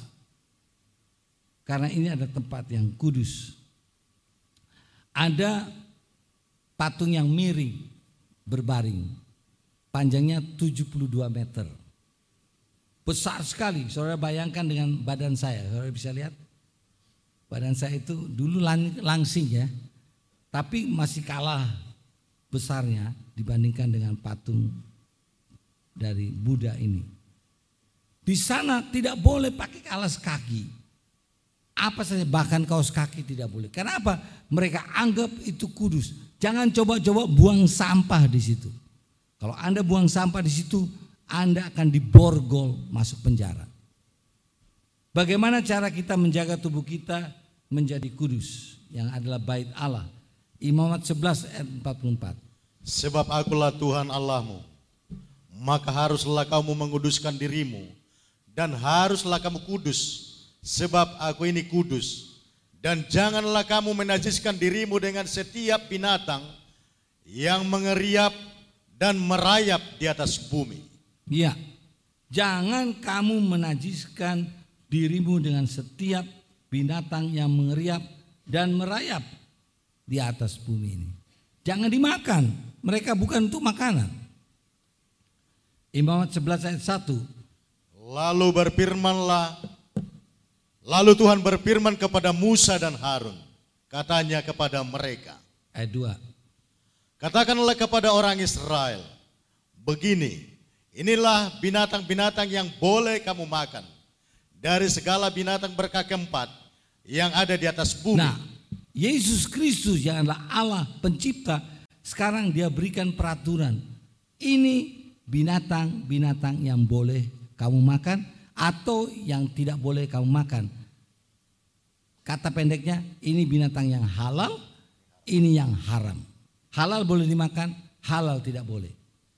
Ayat 3, setiap binatang yang berkuku belah, yaitu yang kukunya bersela panjang dan yang memamah biak, boleh kamu makan. Jadi ciri-ciri hewan yang boleh dimakan kalau kukunya terbelah. Kukunya terbelah dan dia yembi, chewing dekat, memamah biak. Contohnya apa? Sapi, sapi itu kukunya terbelah. Lalu kalau malam dia mulai yemi, mencerna makanannya. Apalagi? Kerbau. apalagi kambing, domba itu binatang yang halal, boleh dimakan. Sekarang binatang yang halal itu berkuku belah biak. Contohnya saya sudah sebutkan tadi sapi, kerbau, kijang, kambing, domba, banyak pilihan. Kalau belum vegetarian, ya. Binatang yang haram kukunya terbelah tapi tidak memamah biak. Memamah biak tapi tidak ber, tapi berkuku tunggal. Ada contoh-contohnya nanti kita lihat. Ayat Alkitab katakan Imamat 11 ayat 4. Tetapi inilah yang tidak boleh kamu makan dari yang memamah biak atau dari yang berkuku belah, unta. Karena memang memamah biak, tapi tidak berkuku belah, haram itu bagimu. Unta boleh dimakan atau tidak? Tidak boleh. Ini Yesus yang bilang ini. Bukan pendeta misa. Yesus yang katakan Imamat 11 dan 4. Onta itu haram bagimu. Kenapa? Karena dia memang memamah biak. Tapi kukunya tidak terbelah. Sama seperti kuda. Haram itu bagimu. Jadi katakan goodbye onta, daging onta. Jangan makan daging onta. Itu binatang haram yang tidak boleh dimakan. Yang berikutnya, Fatsal 11 ayat 5 imamat. Juga pelanduk, karena memang memamah biak, tapi tidak berkuku belah, haram itu bagimu. Ini bahasa aslinya syafan. Syafan itu artinya kelinci di bebatuan. Jadi kelinci, kelinci binatangnya haram. Kenapa? kelinci ini memamah biak, mulutnya kan goyang terus. Tapi kukunya tidak terbelah, jadi haram bagi kita. Jadi sate kelinci haram atau tidak? Haram. Jangan makan. Sop kelinci haram. Kelinci panggang haram. Jangan dimakan karena tidak boleh itu haram. Imamat 11 ayat 6. Juga kelinci memang memamah biak, tapi tidak berkuku belah. Haram itu bagimu. Ini jack rabbit atau hare. Itu kelinci yang telinganya panjang. Bani. Ini juga haram. Jadi saudaraku yang kasih, lewat mimbar ini melalui firman Tuhan, Allah berfirman, kelinci haram. Jangan makan daging kelinci. Kenapa? Haram adanya. Ayat 7. Demikian juga babi hutan. Karena memang berkuku belah. Yaitu kukunya bersela panjang. Tetapi tidak memamah biak. Haram itu bagimu. Nah terjemahan ini sudah diprotes. Karena ayat ini mengatakan dan lagi babi. Babi hutan juga tidak terbelah kukunya. Apa sih? Tidak memamah biak, kukunya terbelah tapi tidak tidak tidak memamah biak, haram dia. Salah satu ciri tidak dipenuhi, haram binatang itu. Jadi babi apakah babi hutan, babi desa, babi kota, babi kampung, babi rumah, apa pun namanya, babi itu binatang apa? Haram. Tinggalkan babi panggang, babi guling. Semua itu apa? Haram. Siapa yang katakan? Yesus Kristus. Ada orang yang bilang, oh Yesus sudah menghapuskan. Sekarang pengikut Kristus yang namanya orang Kristen sudah boleh makan daging babi. Karena perjanjian lama sudah dirubah dengan perjanjian baru. Semua boleh makan daging babi. Aduh ajaran itu waktu saya dengar ini seorang pengkhotbah terkenal katakan demikian. Hati saya ngeres. Aduh kok bisa ya seorang pengkhotbah membaca Alkitab, berkhotbah pakai Alkitab, mengatakan orang Kristen boleh makan babi. Padahal babi dilarang, tidak boleh dimakan. Babi itu apa pun namanya. Babi adalah haram. Biasanya mereka taruh itu apel di hidung. Jadi contoh binatang yang haram, onta, pelanduk, kelinci, babi hutan atau babi desa, babi kampung, babi rukota, babi rumah. Nah ini binatang haram ini. Waktu saya lagi lewat di Kawangkoan, eh orang kejar-kejar ini binatang besar sekali. Ikan katanya. 200 kilo beratnya, bukan main. Dan baunya audubillah. Kenapa? Babi biar saudara siram dengan semua minyak harum, baunya tetap tidak harum. Kenapa? Karena babi adalah pemakan kotoran. Nah, ini dia, saya kita akan jalan cepat. Babi itu mengandung trikaina. Itu cacing pita. Ini babi, babi. Bahasa Inggrisnya hawk. Kenapa? Karena dia selalu hok, hok, hok, hok. Di Alkitab disebut kosir. Kosir artinya babi. Ini binatang haram.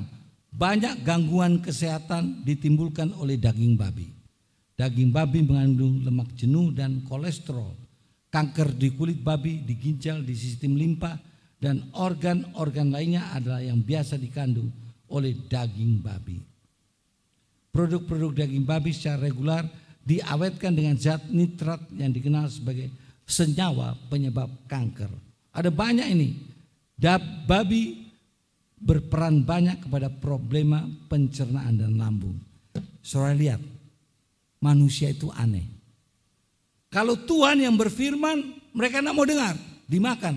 Tapi nanti kalau sudah mulai datang penyakit, dokter bilang jangan makan daging babi lagi ya. Oke dokter. Dokter dia patuh, Padahal Allah sudah berfirman, jangan makan daging babi. Kalau kamu makan, akibatnya ini dia. Akhirnya dokter katakan, jangan makan daging babi. Mereka baru dengar kalau dokter yang katakan, bukan Tuhan. Padahal dokter itu ciptaan Tuhan. Di bawah kaca pembesar, mikro, uh, mikroskop ini diperiksa daging babi. Penuh dengan itu parasit-parasit cacing pita. Dan cacing pita ini walaupun dipanaskan sepanas-panasnya, dia tidak mati. Dia terlindung oleh sisnya. Dan ini kalau dimakan masuk ke dalam usus, masuk nanti ke dalam pencernaan kita, ke pembuluh darah kita, banyak penyakit ditimbulkannya. Soalnya tuh cacing-cacingnya itu, ini di bawah kaca mikroskop. Babi ini juga penyebab dulu coronavirus. Pernah babi-babi dalam jumlah yang besar dibunuh mati, dilemparkan ke dalam lubang-lubang lalu ditembak supaya mati. Kenapa? Karena ada flu babi. Pernah dengar flu babi? Ya. Ini dia mati semuanya. Ada jumlahnya 300 ribu babi dibunuh. Lebih hebat dari waktu Yesus melepaskan orang yang dirasuk setan, 2000 babi masuk dalam lubang, dalam danau Galilea. Ini 300 ribu di Singapura. Ayat 8, nah ini bagus sekali. Daging binatang-binatang itu janganlah kamu makan.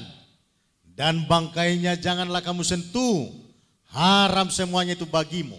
Daging binatang-binatang itu janganlah kamu makan. Karena haram. Bangkainya kalau sudah disembeli jadi bangkai dia. Lalu sudah mulai digoreng, direbus, dibikin sop, dibikin macam-macam sate. Semua itu jangan kamu sentuh. Kenapa? Haram. Oh, ngomong-ngomong, apakah kita masih bersahabat? Tolong lambaikan tangan kita. Artinya kita masih bersahabat, ya. Saya sudah lihat tegang semua. Itu leher jadi tegang. Kalau begitu kita istirahat satu menit. Semua berdiri, tolong berdiri. Tolong berdiri, ikuti komando saya. Hadap kiri, crack. Hadap kiri. Yang di belakang, pukul-pukul pundak yang di depan. Pukul-pukul. Oke, sekarang urut pundak yang di depan. Urut, urut. Yang enak urut yang enak. Berhenti, gerak. Balik kanan, gerak. Yang di belakang pukul-pukul yang di depan pundaknya. Jangan ditinju, dipukul-pukul. Urut pundak teman di depan.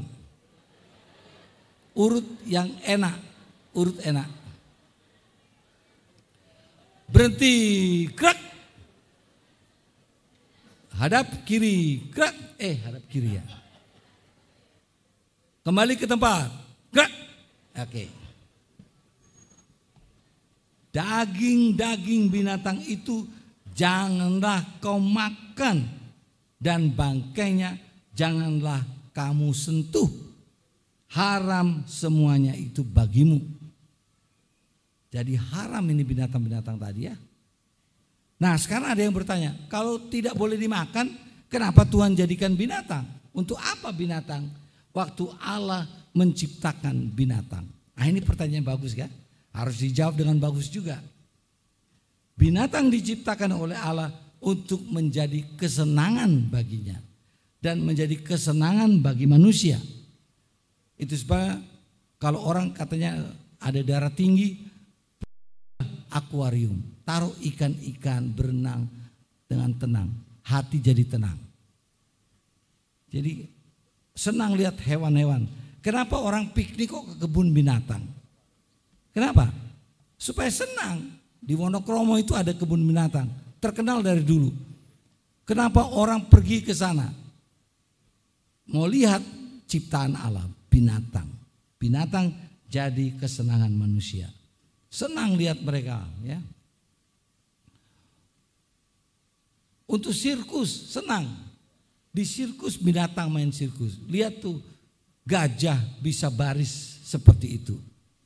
Dituntun seorang wanita. Gajah menurut.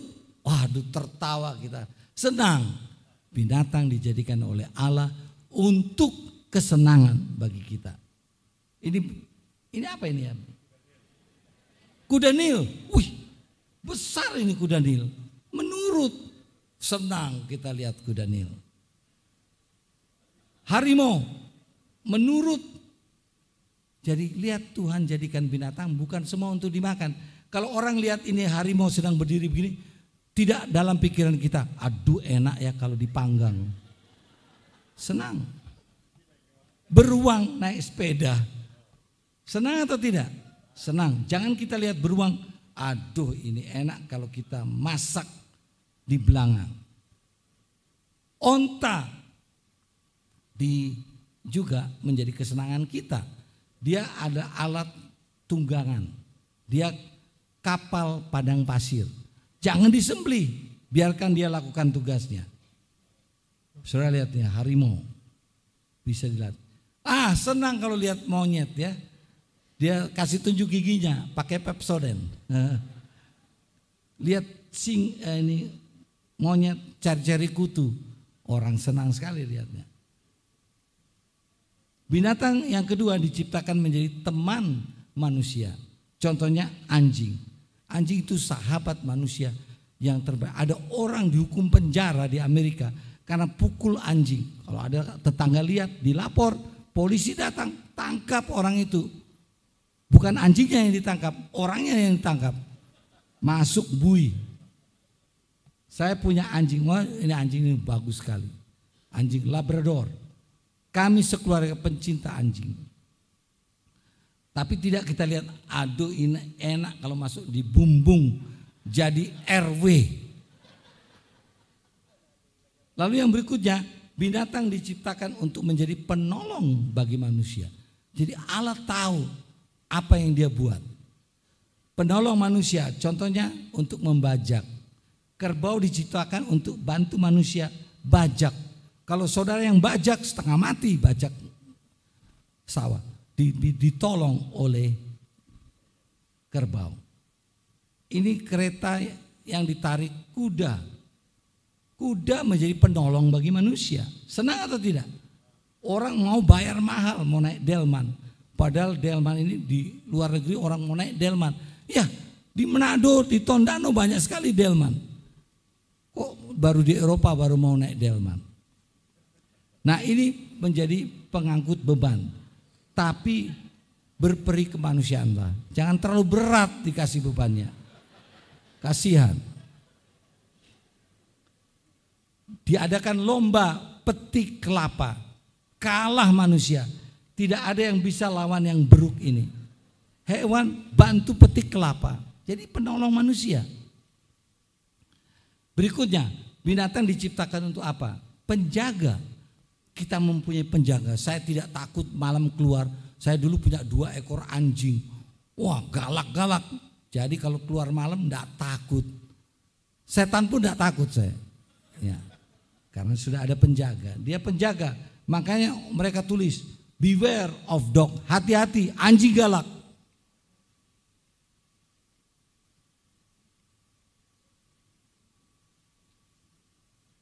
Beware of dog. Hati-hati, anjing galak. Pernah lihat tanda itu di depan rumah orang? Kenapa? Jangan coba-coba masuk rumah ini. Ada anjing penjaga yang galak. Lalu binatang juga dijadikan untuk sistem ekosistem yang namanya bagaimana ekosistem itu bekerja hewan-hewan bisa untuk membuat sampai tanaman-tanaman itu bertumbuh di tempat yang lain oleh misalkan lebah dan sebagainya. Ini ada, tidak usah diterangkan panjang. Yang terakhir, binatang diciptakan untuk pembersih lingkungan. Pembersih lingkungan. Ini dia. Saya mau cerita ya, mungkin ada yang sudah dengar, tapi pengulangan. Saya pemimpin pemuda, suka berkemah di mana-mana. Satu kali kami berkemah di Janji Matogu, Porsea, Sumatera Utara. Jadi oleh karena saya selalu memenuhi panggilan alam begitu bangun, jadi pertanyaan pertama saya tanyakan kepada panitia. Panitia, apa ada di sini untuk merenung? Tahu saudara ya, untuk memenuhi panggilan alam. Lalu mereka kata, Pak Pendeta, ini negeri bebas. Pilih di mana saja untuk membuat tanah ini subur. Wah, saya berpikir bahaya ini. Saya paling takut ular. Jadi, waktu sore saya sudah cari-cari spot mana yang paling bagus yang tidak akan dilihat orang. Saya sudah tahu ke sana. Jadi besok paginya bangun masih gelap, saya sudah pergi ke tempat itu. Lalu saya mulai merenung, melakukan panggilan alam. Saya takut ular, jangan lupa. Jadi waktu saya sementara tercenung di sana, tiba-tiba ada yang dorong saya di belakang. Pikiran saya ular. Saya langsung lompat setinggi-tingginya. Langsung lari mau selamatkan diri. Setelah jauh dengan napas terengah-engah, saya lihat ke belakang. Eh, sahabat kita itu. Binatang babi. Babi-babi ini menunaikan tugasnya dengan setia. Dia tidak mau lahan di situ dikotori. Penciumannya sangat tajam. Dia ikuti di mana dari mana ini bau ini. Dan dia sayang sekali tidak dilatih tata kerama. Pemiliknya tidak ajar tata kerama. Kalau tamu sedang bekerja, jangan ganggu, biarkan selesai. Mereka tidak mau tunggu, langsung diserbu didorong kita, larilah kita. Maaf ya, itu terjadi di Porsea. Nah di Janji Matogu. Kalau di timur lain lagi. Di timur itu ada pohon di belakang rumah. Biasanya istilahnya naik helikopter. Jadi supaya jangan nanti diseruduk oleh babi-babi ini harus naik di cara cabang pohon Lalu dari atas sana buang bom. Jadi kalau saudara sudah rasa mau ke belakang, tanya kepada tuan rumah, di mana WC? Oh di belakang. Lalu waktu kita sudah mau pergi ke sana, pemilik rumah akan kasih sepotong kayu yang berat. Untuk apa? Nanti tahu sendiri. Jadi begitu kita duduk di belakang, kalau tidak ada pohon, kita duduk jongkok di belakang, Saudara tahu papa babi, mama babi, anak babi, cucu babi, semua berebut. Mereka pikir makan pagi. Masih fresh dan hangat. Jadi mereka langsung serbu tanpa minta permisi lebih dulu. Nah di situlah tongkat kayu ini berfungsi. Jadi saudara kerja double sambil merenung pukul-pukul kepala babi tadi. Kalau ada batang pohon, naik saja di pohon. Nah, saudaraku, binatang ini adalah pembersih lingkungan. Kalau secara umum sekarang ini mereka adalah pasukan kuning. Mereka ini lebih baik dari pasukan kuning. Karena apa? Mereka tidak menuntut gaji. Mereka tidak meminta apa istilahnya itu? Itu tunjangan THR. Mereka tidak minta. Mereka tidak minta libur atau libur melahirkan, tidak ada. Begitu ada bau yang disukai mereka. Bukan yang kita sukai, tapi mereka sukai. Langsung mereka datang membersihkan lingkungan. Jangan coba-coba kotori lingkungan di sini. Kami siap melaksanakan tugas. Jadi jangan disembeli dan dimakan lalu ditaruh di meja.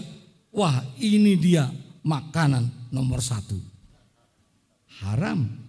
Jadi sekarang saudara lihat binatang tidak dijadikan oleh Allah untuk makanan. Bagaimana dengan ikan? Saya ingat saya di Surabaya. Ada teman saya Ibu Sandra, kepala sekolah SMA Anjas Moro. Ada di sini Ibu Sandra? Oh tidak ada. Ibu Sandra cerita sama saya, satu kali WC-nya mampet. Jadi dia panggil pasukan tinja.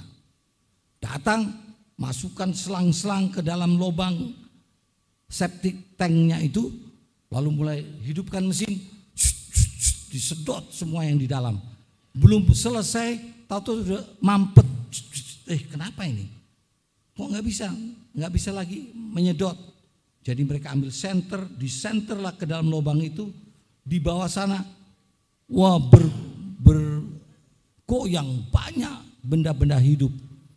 Mereka harus keluarkan dulu benda-benda hidup tadi. Ternyata itu adalah ikan-ikan uh, belut, belut yang sehat-sehat, gemuk-gemuk sebesar-besar tangan. Bayangkan ini belut-belut ini mendapat jaminan makanan tiap hari.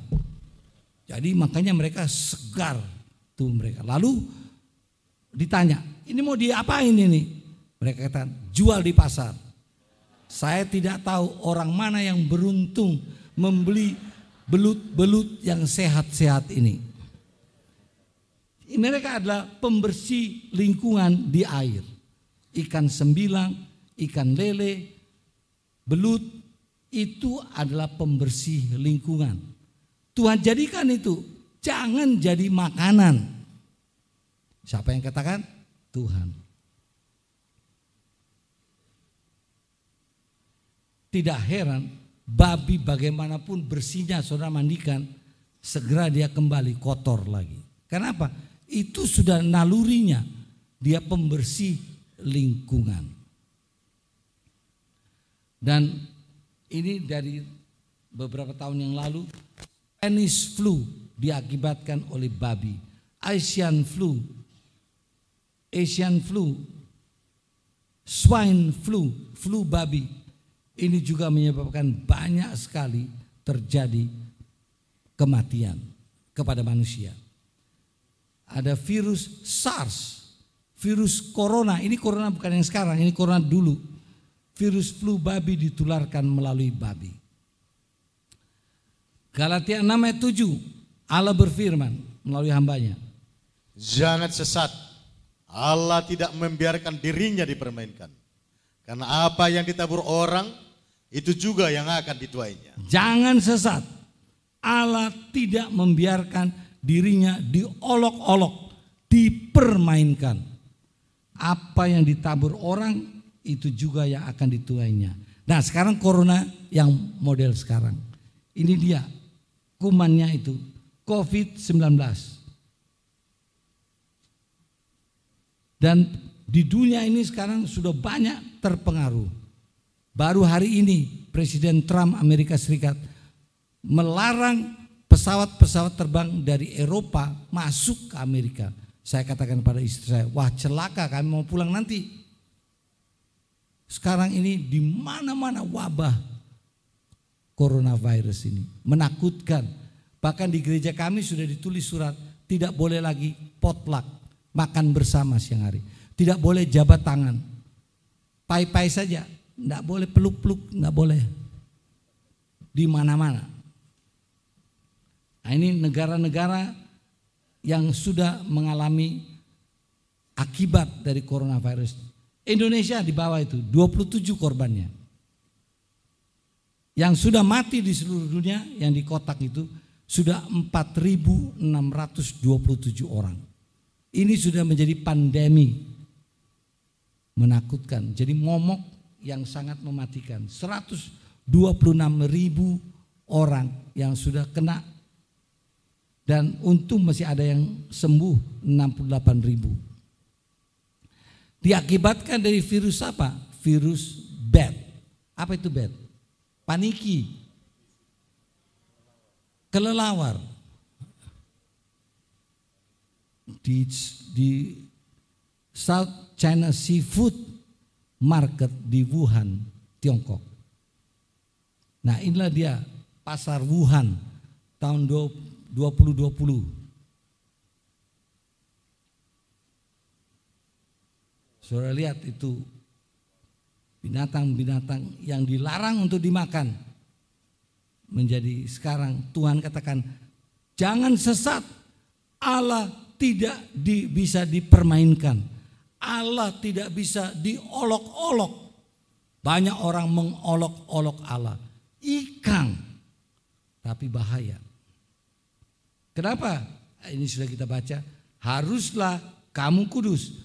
Sebab aku ini kudus. Janganlah kamu menajiskan dirimu dengan binatang-binatang yang tidak kudus ini. Dengan binatang-binatang yang haram. Ini juga binatang haram, tapi banyak orang suka makannya. Apalagi ini cindil, tahu cindil? Anak-anak tikus. Oh mereka, saya udah lihat sendiri. Lalu di, di madu, lalu hidup-hidup ditelan. Saya tanya untuk apa itu? Lapar? Bukan, ini obat kuat. Wah dibikin sandwich binatang. Ini semua adalah binatang yang haram. Udang juga, aduh saya nggak sempat waktunya. Nah sekarang setelah orang makan makanan itu, yang mulai hewan-hewan dimakan, umurnya bagaimana? Turun sekarang, tadinya 900, 800, sekarang 600, 484, turun terus sampai 205. Sekarang karena orang manjakan makan daging, apalagi yang haram, umur manusia sekarang jadi pendek sekali turun ke 70, ada orang yang umur 35 mati sakit jantung, umur 28 mati kena macam-macam. Bagaimana umur manusia? Mazmur 90 ayat 10. Masa hidup kami 70 tahun. Dan jika kami kuat 80 tahun. Dan kebanggaannya adalah kesukaran dan penderitaan. Sebab berlalunya buru-buru dan kami melayang lenyap. Ini jam berapa sekarang? Sudah waktunya ya. Tapi boleh kita tambahkan sedikit supaya selesai karena yang berikut ini banyak pertanyaan yang masuk. Ya, contohnya gini. Ikan ini tadi saya sudah terangkan. Kalau ikan ciri-cirinya bersisik dan bersirip. Kalau dia bersisik tidak bersirip haram. Contohnya bersisik tapi tidak bersirip. Udang, apalagi? belut, lele, ya lele itu ada siripnya tapi tidak ada sisik.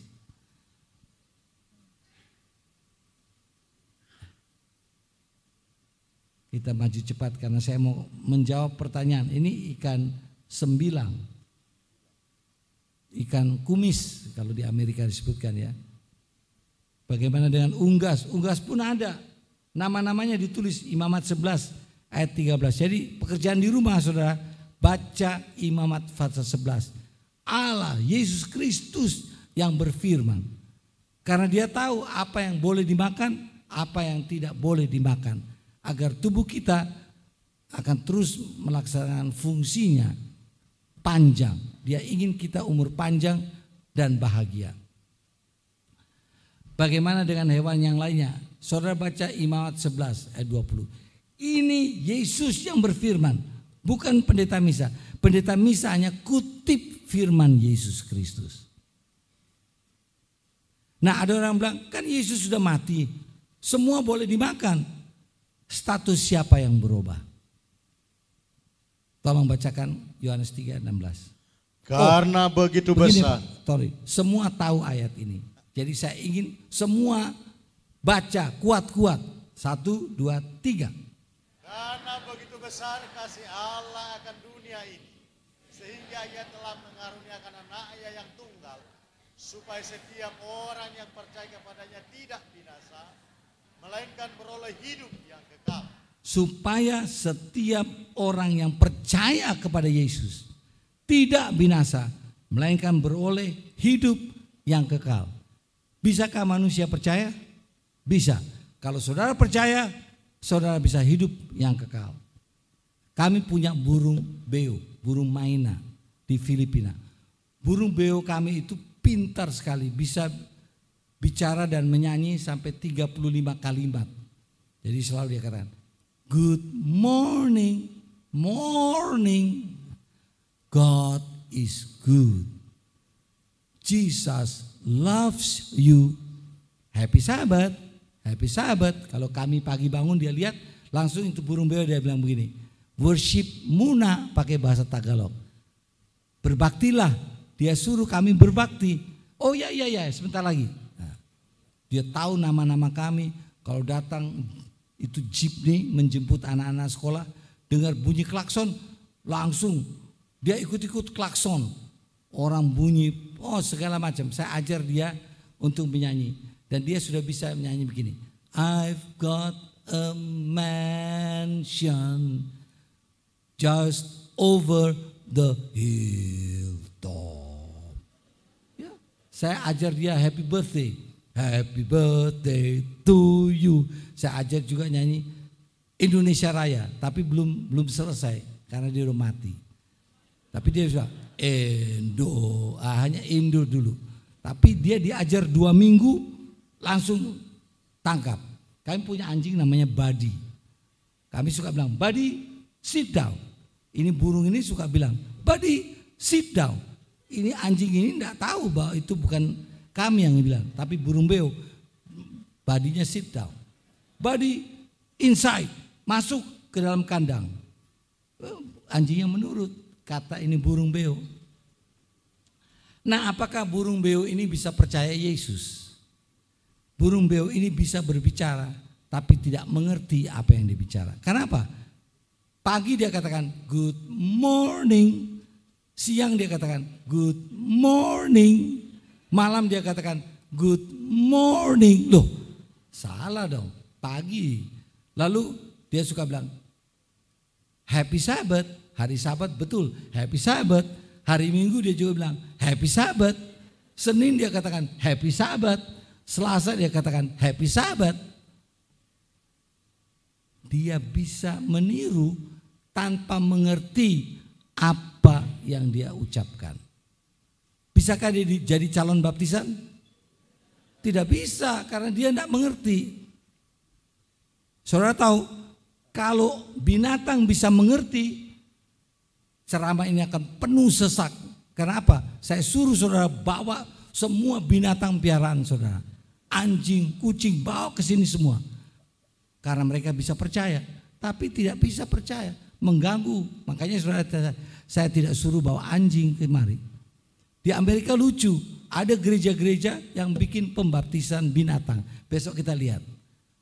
Binatang disuruh dibawa, kambing, domba, kelinci, kucing, anjing, dibaptis. Ah, nanti besok ya, oke. Kalau sampai hewan bisa percaya, penuh sesak saya punya KKR. Karena saya akan kumpulkan semua hewan untuk dengar KKR saya suruh baca Yohanes 3 ayat 16. Bisa atau tidak? Tidak bisa. Sampai kapan pun, sampai Yesus datang, mereka tidak akan bisa membacanya. Kita kumpulkan semua binatang untuk ditobatkan. Bisa? Tidak bisa. Kalau begitu yang bisa bertobat siapa? Manusia. Bagaimana dengan perintah Allah kepada Petrus untuk memakan binatang haram di kisah 10. Nah, kita ini kita tutup di sini karena besok saya mau terangkan tentang makan binatang haram. Di Alkitab dikatakan di perjanjian lama memang dilarang, tapi di perjanjian baru sudah diperbolehkan. Makanya ada orang yang katakan kepada saya, saya tidak mau Allahnya orang Kristen. Karena Allahnya orang Kristen itu tidak kekal perintahnya, berubah-ubah. Oke, mari kita lihat. Kisah 10 ayat 9. Atau saya ceritakan aja nanti sudah baca di rumah ya. Ini Petrus mau kedatangan tamu yang diutus oleh Cornelius. Petrus tinggal di Yope. Dan orang Yahudi mereka anggap orang non Yahudi itu binatang haram. Jangankan bersentuhan, kena bayangannya saja najis. Nah sekarang malaikat berbicara pada Cornelius. Cornelius sedekahmu diterima oleh Allah. Utus orang panggil Petrus dari Yope. Itu perjalanan 100 km lebih dari selatan ke utara. Nah supaya tamu dari Cornelius ini diterima oleh Petrus yang orang Yahudi. Petrus harus disiapkan pikirannya. Bagi orang-orang Yahudi, non-Yahudi haram. Jadi ada orang-orang yang menganggap orang bukan satu agama dengan dia haram. Tidak boleh jabat tangan, tidak boleh sentuh, tidak boleh kasih selamat untuk hari-hari tertentu. Orang Yahudi pun demikian, Petrus pun demikian. Jadi Allah memberikan kepadanya hayal, penglihatan. Petrus waktu itu lapar ayat 10. Ingin makan, tetapi sementara makanan dipersiapkan, tiba-tiba rohnya dijeliputi kuasa ilahi. Tampak olehnya langit terbuka turunlah suatu benda berbentuk kain lebar yang bergantung pada keempat sudutnya. Isinya semua binatang haram. Lalu kedengaran suatu suara, Petrus bangun, sembeli dan makanlah. Petrus katakan, tidak Tuhan, tidak sebab aku belum pernah makan sesuatu yang haram dan yang tidak tahir. Yang tidak tahir, yang tidak suci. Kedengaran pula untuk kedua kalinya suara yang berkata kepadanya, apa yang dinyatakan halal oleh Allah tidak boleh engkau nyatakan haram. Lihat ayat 16. Hal ini terjadi berapa kali? Tiga kali. Dan segera sesudah itu apa yang dibuat Petrus? Sembeli dan makan? Tidak. Apa yang terjadi? Sesudah itu terangkatlah benda itu ke langit jadi Petrus tidak makan binatang-binatang haram itu. Itu hanya penglihatan, naik kembali ke angkat ke langit. Lalu Petrus bertanya-tanya ayat 17. Nanti baca di rumah ya. Di dalam hatinya, apa kiranya arti penglihatan yang telah dilihatnya itu? Sementara itu utusan Cornelius sudah datang di pintu. Lalu mulai ketok pintunya. Pada dan orang Yahudi gampang mengenal orang yang non Yahudi. Orang Yahudi pakai topi. Eh, kamu bukan orang Yahudi. Jangan datang di rumah orang Yahudi. Itu kalau Petrus belum dapat hayal. Petrus kan tanya-tanya apa maksudnya hayal tadi. Oh, saya tidak boleh bilang orang non Yahudi itu binatang haram.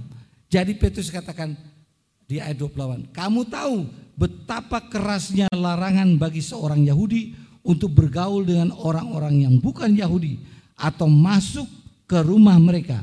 Tetapi Allah telah menunjukkan kepadaku bahwa aku tidak boleh menyebut orang najis atau tidak tahir. Jadi ini adalah penglihatan. Artinya diajarkan kepada Petrus, jangan kamu sebut orang najis. Terima tamumu itu. Lalu dipanggillah kalau begitu masuk. Ini satu hal yang sangat dilarang. Tapi Petrus suruh mereka masuk. Untuk apa kalian datang? Kami diutus oleh Tuhan kami, Cornelius. Untuk menjemput Pak Petrus datang di rumahnya. Lalu karena jauh jaraknya jalan kaki, Petrus katakan, wah sudah mulai malam ini. Kalian masuk dan tinggal di rumah. Wah itu hebat pelanggaran yang buat Petrus. Dia suruh tamunya bermalam di rumahnya. Besoknya baru mereka jalan ke tempat Cornelius. Lalu Petrus katakan, itulah sebabnya aku tidak berkeberatan ketika aku dipanggil. Lalu datang kemari. Sekarang aku ingin tahu apa sebabnya kamu memanggil aku. Baru sekarang Petrus tahu. Rupanya arti dari penglihatan tadi ialah saya tidak boleh menyebut orang haram. Orang lain itu haram, najis. Nah, waktu Petrus kembali dari rumah Cornelius di Fatsal 11, kok Petrus menghadapi problem baru. Orang-orang Yahudi marah sama dia. Kenapa kamu ke rumah orang yang bukan non-Yahudi? Jadi Petrus kemudian memberikan ayatnya di Fatsal 11. Tapi baca dulu ayat 34 dan 35. Lalu mulai Petrus berbicara. Katanya, sesungguhnya aku telah mengerti bahwa Allah tidak membedakan orang. Setiap orang dari bangsa mana pun yang takut akan dia dan yang mengamalkan kebenaran berkenan kepadanya. Sekarang baru dia tahu. Ayat 11, eh Fatsal 11, ayat 2 dan 3. Ketika Petrus tiba di Yerusalem, orang-orang dari golongan yang bersunat, ini orang Yahudi, berselisih pendapat dengan dia. Kata mereka, engkau telah masuk ke rumah orang-orang yang tidak bersunat dan makan bersama-sama dengan mereka. Haram ini. Lalu mulailah Petrus mengisahkan peristiwa yang dicatat di kisah pasal 10. Pekerjaan rumah untuk saudara sekalian. Baca kisah Fatal 10 dan Fatal 11. Ada banyak orang hanya baca satu ayat tidak lihat konteksnya. Ayat sebelum dan sesudahnya. Itulah sebabnya mereka mengajarkan kerancuan. Lihat di perjanjian lama memang Allah haramkan. Di perjanjian baru malah diperintah oleh Allah kepada Petrus. Petrus ambil, sembeli dan makan. Petrus yang memang tidak makan binatang haram dia kata, dari dulu, dari kecil saya tidak pernah makan binatang haram. Lalu Allah berkata, apa yang dihalalkan Allah, jangan kamu haramkan. Allah berbicara tentang apa? Bukan hewan. Allah berbicara tentang manusia yang diharamkan oleh orang Yahudi. Ada banyak selain orang Yahudi yang mengharamkan. Tidak boleh bersalaman dengan orang-orang ini yang tidak seagama. Haram, najis, Allah katakan jangan kamu mengharamkan orang. Ya mereka yang percaya akan Yesus mereka akan diselamatkan. Nah besok kita akan bahas Roma 14 ayat 20 ini juga luar biasa. Dan 1 Timotius pasal 4. Besok hadirlah supaya tahu jawabannya dan tahu menjawab kalau ada orang yang bertanya tentang itu. Baik malam ini kita telah membahas Allah yang maha kudus. Allah kita maha besar dan dia maha benar. Kebenarannya mutlak tidak bisa diragukan. Tidak bisa ditawar-tawar. Allah yang maha besar ini dia maha besar. Kenapa? Karena dia maha benar. Dan Allah yang maha besar ini dia maha besar karena dia maha kudus. Malam ini Berapa banyak dari antara saudara yang mau berkata, Allahku yang kekasih, Allah yang besar. Aku ingin menjadi umatmu yang kudus. Saya ingin mempersembahkan tubuh saya menjadi tubuh korban persembahan yang hidup, yang kudus dan berkenan kepada Allah. Saya tidak akan sentuh binatang-binatang yang engkau katakan binatang haram. Saya akan pelihara tubuh saya suci kudus agar engkau mau berdiam di hati di, di dalam diri saya. Kalau saudara membuat keputusan itu malam ini kaget, wah baru dengar. Lalu saudara katakan, Tuhan kebenaranmu sungguh sangat tajam, menggigit, terang benderang. Tapi inilah kebaktian kebangunan rohani. Mata kami dibuka, kerohanian kami digugah, kami harus bikin pembaruan hidup. Saudara datang tadi berbeda dengan waktu saudara pulang. Saudara seorang yang baru diperbarui oleh KKR, kebaktian, kebangunan rohani. Kalau KKR itu itu itu saja, tidak merubah hidup kita. Itu bukan KKR. KKR harus merubah hidup kita, harus mengikuti apa yang Tuhan katakan. Masih bersahabat kita? Lambaikan tangan saudara. Saya pun sahabat saudara.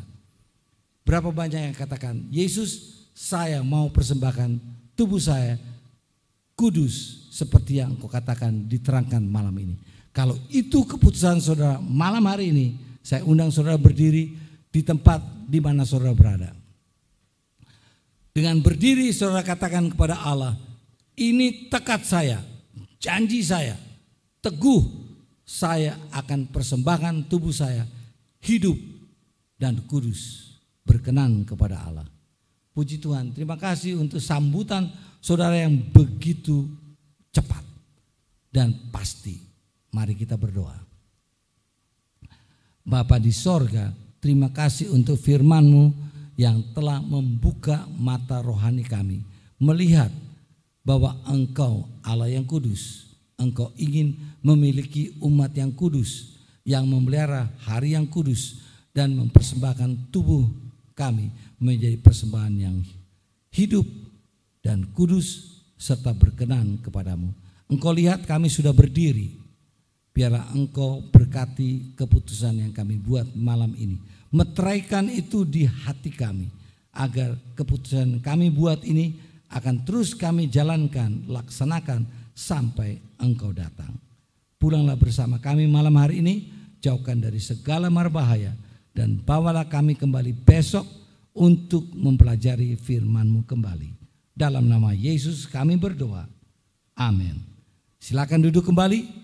Kita dengarkan pengumuman singkat dari pemandu acara kita.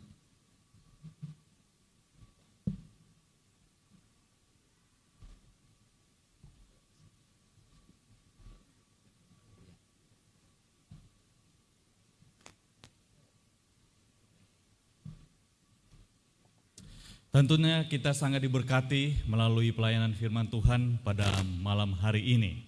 Saudara sekalian, besok malam terakhir jangan lupa datang, saudara-saudara, ojo lali, lali ojo. Besok kita akan mulai pada pukul 18.00. Saudara jangan datang jam 4 karena belum mulai. Saudara datang jam 18 kurang 15 menit Pastikan kita sudah duduk di tempat ini dan kita siap menerima berkat Tuhan. Selamat malam, damai sejahtera Tuhan menjadi bagian kita semua. Amin.